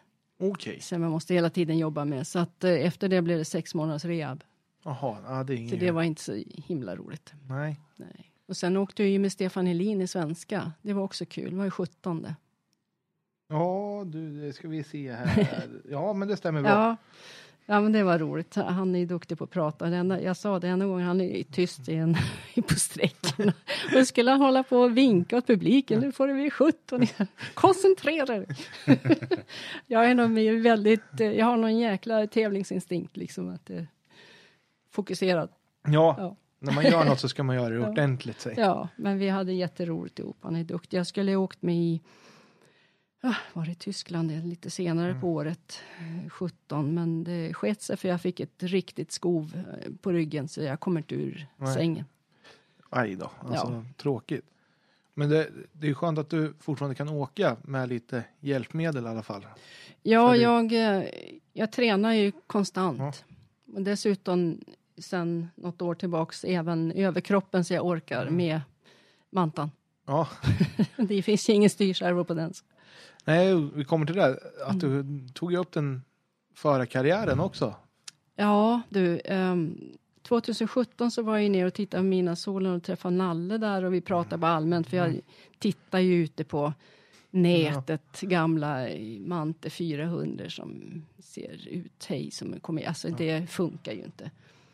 Uh, och jag pratade ju med Peter Strid och det är så roligt att höra hans berättelse ja. att han köpte tillbaks sin bil som var till Danmark ett tag. Um, och då hade ju Mård blivit klart, Nalle hade blivit mm. klart uh, Mårds Manta 400 då. Exakt. Så jag bara berättade att vi hade sålt familjeföretaget, att det kanske fanns en ekonomisk förutsättning ja. att köpa en sån här bil, för det har alltid varit en drömbil. Men det Nej. kan jag tänka mig att ja. du, du, har ju varit ope, du har ju varit fast i Opel mm. från starten av karriären. Ja. Och som vi sa här i mitten av programmet, att fyr, Opel Manta 400 och Ascona 400 måste ju vara det värsta man kan ha. Ja, drömbilen. ja, ja, men sen hände ingenting. Men sen ringde Nalle mig strax innan jul och, och frågade om jag var intresserad av att köpa den här bilen. Den skulle inte gå ut på annons utan jag fick frågan. Och då um, tänkte jag, jag har ingenting kvar överhuvudtaget av någonting, alltså verktyg till nothing. Nej. Och köpa sån här bil och så frågade jag, får jag prata med någon om det här? ja, det kan du få göra, så. Och då tänkte jag, första tanken var ju Tommy som vanligt, som, mm. ja, vi har ju hängt ihop, Lång och Lerharm, under alla år. Um, om han kunde tänka sig att hjälpa mig i så fall att mecka. Jag måste ju ha någon som kan mecka överhuvudtaget. Mm. Och det kunde han ju tänka sig. För han tycker ju det här Opel ligger också nära hjärtat för honom. Exakt, alltså, han har ju åkt korsar rätt ja, länge. Så. Ja, precis. Ehm, men sen har jag en kompis också som ställer jäkla bra frågor. Som inte kan ett skit om rally, men få fram att är det verkligen det här vill jag göra? Och det kom jag fram till. Så Nej. då blev det köp av och sen så hämtade jag den. Um, ehm, 18 var det. Och Nalle är ju, han är ju pedant ut i fingerspetsarna så den är ju välbyggd bilen. Ja, den är jättefin. Jättefin. Jag förstår nog inte än idag att jag har den där. Men, eh, den står där. ja. Men uh, han fick ju aldrig provköra den här bilen riktigt. Um, så det, det var lite synd. För att det har varit en del jobb. För det första så känner jag mig väldigt in, otrygg av att jag inte orkar med honom. Alltså, det gick ett kvarts varv, sen or, orkar jag inte liksom knappt ratta tillbaks. Utan det var på liv och död i så fall. Och så kan man inte ha det. Nej, det är ju inte riktigt så att, skoj. Ja, och då pratade jag ibland med min gamla teamchef Pelle. Då. Eh, han letade i sina gamla lador och ja. hittade någon sextumshjul han hade. Så att då eh, tog jag dem och testade och sen har jag hittat både i Holland och Irland lite fler sextumsfälgar. Och då kände jag mig i alla fall lite trygg med det och i första tävling av Björn Wallergårds minne, eh, som är min hemmatävling. Ja. Eh, tog jag med Hasse Torselius, det är lite roligt för det är Björns gamla kartis. Okej, ja. Han är ju gammalt proffs, så det var jätteroligt att skjutsa runt honom. Då. Du, det kan jag tänka mig. Men bilen gick som en huggorm på vägen så att det, det fanns lite att jobba på. så att det 18 blir liksom mer pröv och tid. Jag åkte ner till Sällholm. eh, Det var en eh, firma i Köping som gjorde fyrhjulsmätningar och vi skimsade om bakre stötdämparna och eh, flyttade ner nedre länkarmarna och sådana saker. Så att han, bilen började gå bättre och kändes tryggare. Vi hade ändå lite jobb kvar över vintern där. Sen åkte jag på lite bakslag inför 19 um, maskinellt som Trend hjälpte mig med. Och eh, fick byta en koppling på den. Fast den knappt har gått någonting. Den har ju bara gått uh, midnattssolen då Ja. en gång innan. Och så några sträckor sådär. Och sen så tog jag kontakt med Lotta igen då. Ja, Och frågade om vad kan det tänka sig. Ja. hoppa in igen. Ja, och sen i, också i, när tanken på att köra mina zoner överhuvudtaget började dyka upp så här, just med min rygg, hur fasiken jag ska göra det i tre, fyra dagar. Det, kan, alltså det måste vara den mentala utmaningen att ja, jag kanske kan åka en dag, sen kanske jag inte orkar. Alltså ryggen Nej, kanske inte nej. pallar mer. Precis. Nu tog jag kontakt med en naprapat i Örebro som jag gick till innan som han gjorde underverk. Och sen så hade ju arrangörerna där ett, ett tält där man kunde köpa massage i. Och då menar jag inte sånt tält. Eh, jag kommer inte ihåg vad de, vad de hette, det var jätteduktiga tjejer. Så de fick loss liksom allting. Så att eh, jag var i bättre skick i målen vid start. Ja, säga. det är ju riktigt Ja. bra. Men just den här grejen att få Lotta tillbaks och, och få tillbaks hela... Ja, det var helt fantastiskt. Hela den helgen var ju helt otrolig. Ja, det kan jag tänka Ja, mig. det Alltså, var. återuppliva gamla minnen kan man verkligen Ja. prata om då. Och då var ju Jimmy McRae där. Så då gick jag och frågade honom om han inte kunde signa emot utrymmet. Så det sitter där och det är inplastat så att det kan inte tvättas bort. Nej, det, alltså, det är ju riktigt coolt. Jimmy McRae som var en riktig fortåkare i, i manterna Mm. förr i tiden. Ja, Att han har fått hans autograf i, på bilen, det är, Mm. det är inte alla som har det. Säg. nej, det är inte alla som har det. ja, nej men det, det, den är så jäkla frän och även om mina bronspunkter är alldeles för tidiga, det måste jag, jag måste ju köra, jag måste ha mer mil liksom i kroppen. Jo men det- är ju så, alltså, med alla bilar du behöver ju mil i kroppen. Du behöver ju hitta var, i ryggraden igen vart, vart det ska sitta. Ja, men samtidigt så måste man ju baktanke på att det är pensionär nu så att det blir sådana runder så man, den är ju värd sina pengar. Den är alltså, ja, är ju, och lägga den någonstans, det vet jag inte om jag vill riktigt. nej det, får ju, det finns ju riktigt, alltså det är ju samlarvärde i de där bilarna. Mm, Om man säger så. mm. Nej, men den är ju så frän och den går ju sin åt helsike. Jag, jag får ståpäls bara jag tänker på Ja. det. och Då- då köra man ju- liksom 180 och det är helt lugnt liksom. Det var inga, inga, inga problem. Då var det ju bra investerade pengar i alla fall om man känner så fortfarande. Ja, men visst är det. Nu är det lite problem med en kardanstång som vi inte får ihop riktigt, men eh, jag hoppas uh, Janne Sellons eh, s- löser det. Ja, det gör han säkert. Ja. Han brukar ha lösningar på det mesta. Säg. Mm. Det är riktigt kul att höra alltså, att du har kommit tillbaka och är tillbaka i svensk rallysport. Tack. Fast sen- på en låg nivå. Ja, men sen har du ju faktiskt gått med och är med i, i rallyutskottet också. Ja, jag fick en fråga. Jag har varit med nu, är det, ett och ett halvt år ungefär. ungefär så att jag är nybörjare. Det är man alltid, bara kan jag säga så. Men alltså jag tycker det är kul att det kommer in så aktivt. Alltså, utskottet ska ju bestå av en blandning och det, det börjar ju bli så att det kommer lite gamla aktiva chaufförer och några kartläsare och några arrangörer också med i utskottet. Mm. Jo, men precis. Vi är väl en, en bra samling. Eh, faktiskt. Eh, det, det, jag tycker det är jättekul och, och sen att kunna ge tillbaks någonting då. Det, är intressant. Ja, och det, det jag kan tycka är tråkigt att alla utskott inom förbundet får så mycket skit verkligen i, i sociala medier ibland så att Mm. man Jag vet ju, jag sitter ju i ungdomsgruppen, vi har ju rätt lindrigt så men Mm. man läser ju och det är riktigt tråkigt att läsa allt negativt som kommer ut. Ja, det, det är väl lika där liksom. Det finns alltid åsiktsmaskiner som inte ens kanske har en licens eller vet vad det handlar om eh, som uttalar sig. Men alltså det ska man ha klart för sig att vi alla är ju ideellt arbetande. Jag får min licens betald, det är allt. Exakt. Eh, och eh, jag vill ju jobba för sporten och jobba fram den och, och det som det har varit under den korta tid jag har varit med är det ju man hinner alltså släcka bränder hela tiden. Du hinner inte jobba framåt hur, hur man vill göra för att ja, främja rallysporten och hur den ska bli mer utåt sett. Nej, det, för det kommer ju nya grejer hela, hela tiden. Det är inte bara från, från eh, förbund utan det kommer från FIA och grejer också. Det är inte, ni styr ju inte alltid i rally om man säger så. Nej, nej, nej, absolut inte. Och sen att eh, man måste tänka lite utanför sitt eget garage. Vi, vi kan inte gynna alla, det funkar liksom inte så, utan det är alltid någon som kommer i kläm.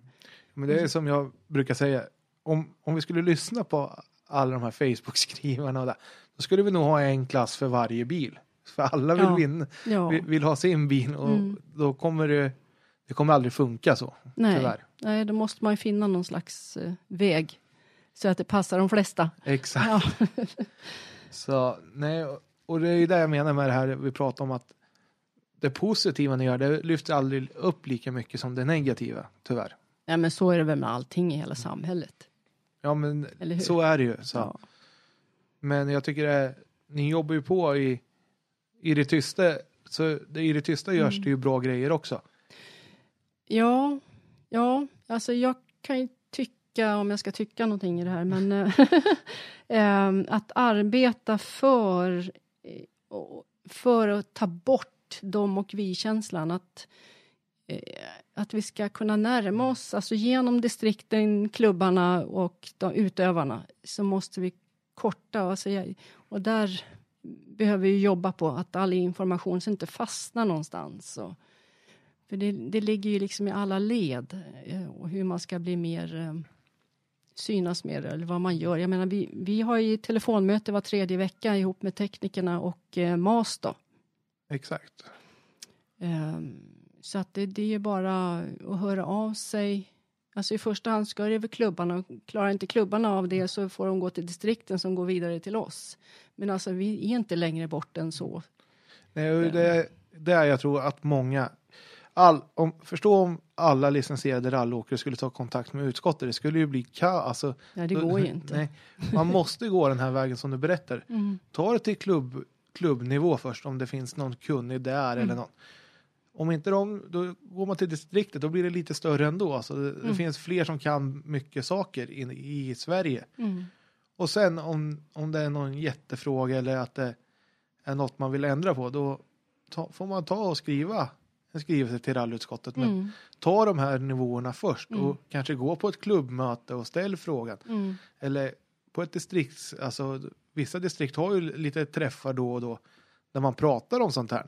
Mm. Men många är så bekväma så de sitter ju, helst skulle de vilja ha direktkontakt med alla i, Mm. i SPF om man säger så.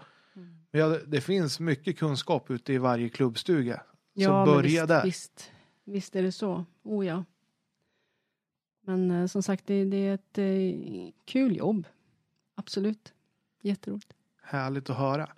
Har du någon här anekdot du skulle vilja berätta innan vi börjar avrunda? Oj. Då måste jag nästan tjuvtitta om jag kan hitta någonting som jag inte har sagt. Ehm. Jag kan ju säga att både Lotta och jag har hjälpt polisen till exempel. Lotta kommer ju i tv här snart om maskeradligan som härjade på 87 eller någonting. Där ser jag. Ja, då jobbade hon på banken på Arlanda och eh, då kom huvudmannen och skulle försöka ta ut eh, pengar på ett eh, konto som inte fanns, eh, har jag för mig att det var, eller en lägg som inte funkar. Så hon uppehåller honom tills polisen kom. Där ser man. Ja, Spännande. Och jag vet att vid något tillfälle så på den tiden jag red så hade polisen kontakt med mig och vi har ett sommarstuga område nära. Så då skulle jag rida förbi det sommarstuga i och kollade i, i området där och i stugorna för där gömde sig nämligen Clark Olofsson. Det hade jag ingen aning om. Det sa de inte till dig innan du skulle rida förbi va? Nej precis. Ehm, Jag blivit avbildad av en riktig konstnär som kommunen köpte in, en jättetavla. Oj. Det var ju rätt Ja. spännande. men eh, nej, men alltså återigen eh, det här samarbetet med meckar och eh, jag, jag är evigt tacksam. Alltså man klarar sig inte utan dem och eh, de är värda allt. Eh, och som jag vill framhålla som eh, Tommy då, som vi delar i garage också då. Han har ju sin där och det, det skulle ju liksom inte funka överhuvudtaget utan det här. Nej, gemenskapen är ju mycket i att man orkar hålla på också. Ja, och, och Lotta liksom som eh, är super. Det, Ja, det är kul, alltså, Ja. kul att ni har hitt, att ni håller ihop än. Alltså, jag tycker det är jätteskoj och att ni gör så mycket saker ihop och även kan hålla sams så länge. ja, jag vet inte om vi har varit osams någon gång. Faktiskt. Nej. Då lär det nog aldrig bli det heller. Nog kan det bli hett i bilen ibland för jag vet att hon, hon, har, hon är ju hjärndöd så nej, men det är bara gasa, gasa. Håll tyst liksom, nu är det jag som bestämmer. så kan det ju bli men eh, nej, annars är det inte något. Har inte varit någonting. Nej, men då har ju Daniel sina sista frågor här. Han har ju några... Som vi ställer till varenda gäst. Och hjälp. Uh, eller bästa tävlingsminne kan vi ju ta. Har du någon som du är extra nöjd och glad över? Nej men det är nog svenska 87 måste jag säga. Ja, det kan jag tänka mig. Efter flera dygns kämpande så att Ja. det går bra dessutom. Ja. Ja. Har du något värsta tävlingsminne eller skogsminne liksom? Eh, nej, inte En hel del brukar ju- så. Prata om någon krasch eller Ja. fel med bil eller sådär. Visst. Men det är bara att kämpa på. Nej, det, det jobbigaste det var väl alltså att jaga pengar till tävlandet. Mm. Och det, sånt har ju verkligen utvecklats genom åren också. Nu ska du ju få en mikrofon direkt eh, i målet på SS och tala om och, och vara massmedial och Mm.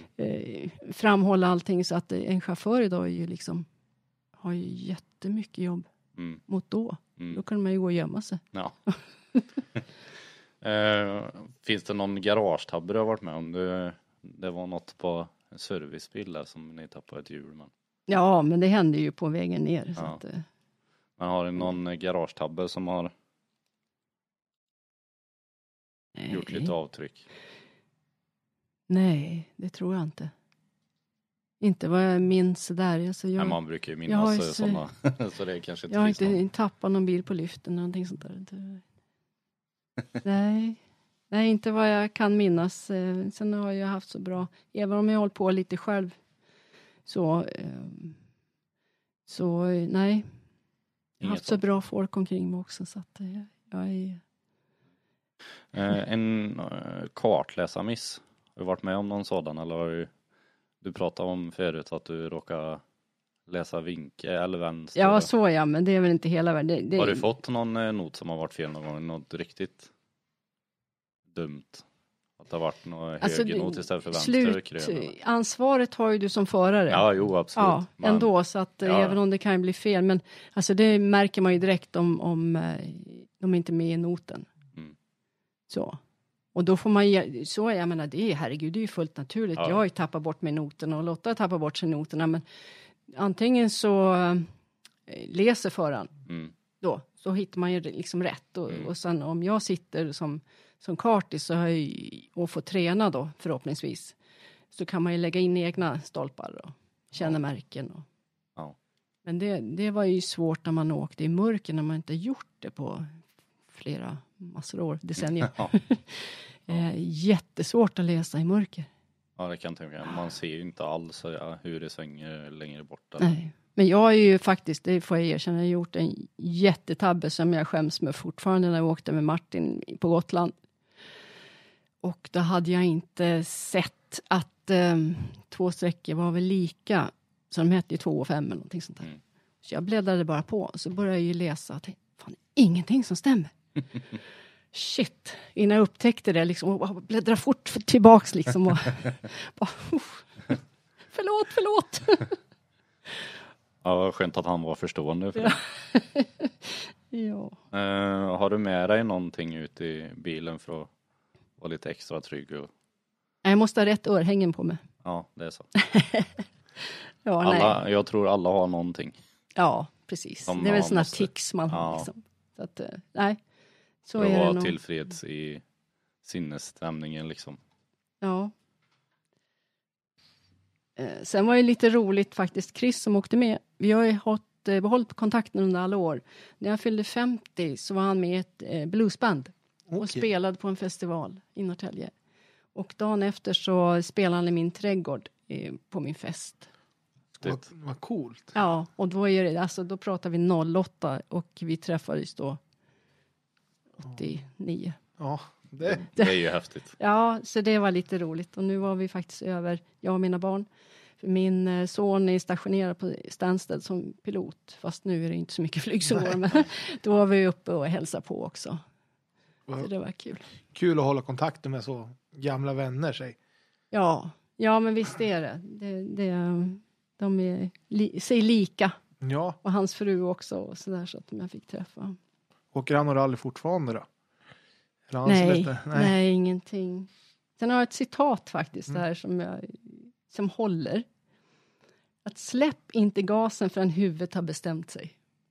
Den är rätt bra. Ja, Sen om man bestämmer sig för att man fegar eller vad är det? Så att det, det är en grej. Och riktigt Sen, bra citat faktiskt. ja, en, en anekdot är också att eh, på den tiden så Lotta och jag började spon, alltså, spåna efter sponsorer. Då kom vi på den fantastiska idén att vi skulle skriva till RFSU. Vi tänkte liksom ha kondomer i bilen och så dela ut liksom på ställen så här. Men de, det gick inte tyvärr. Nej, men det var ju en bra, Ja. bra tanke i alla fall. Ja. ja.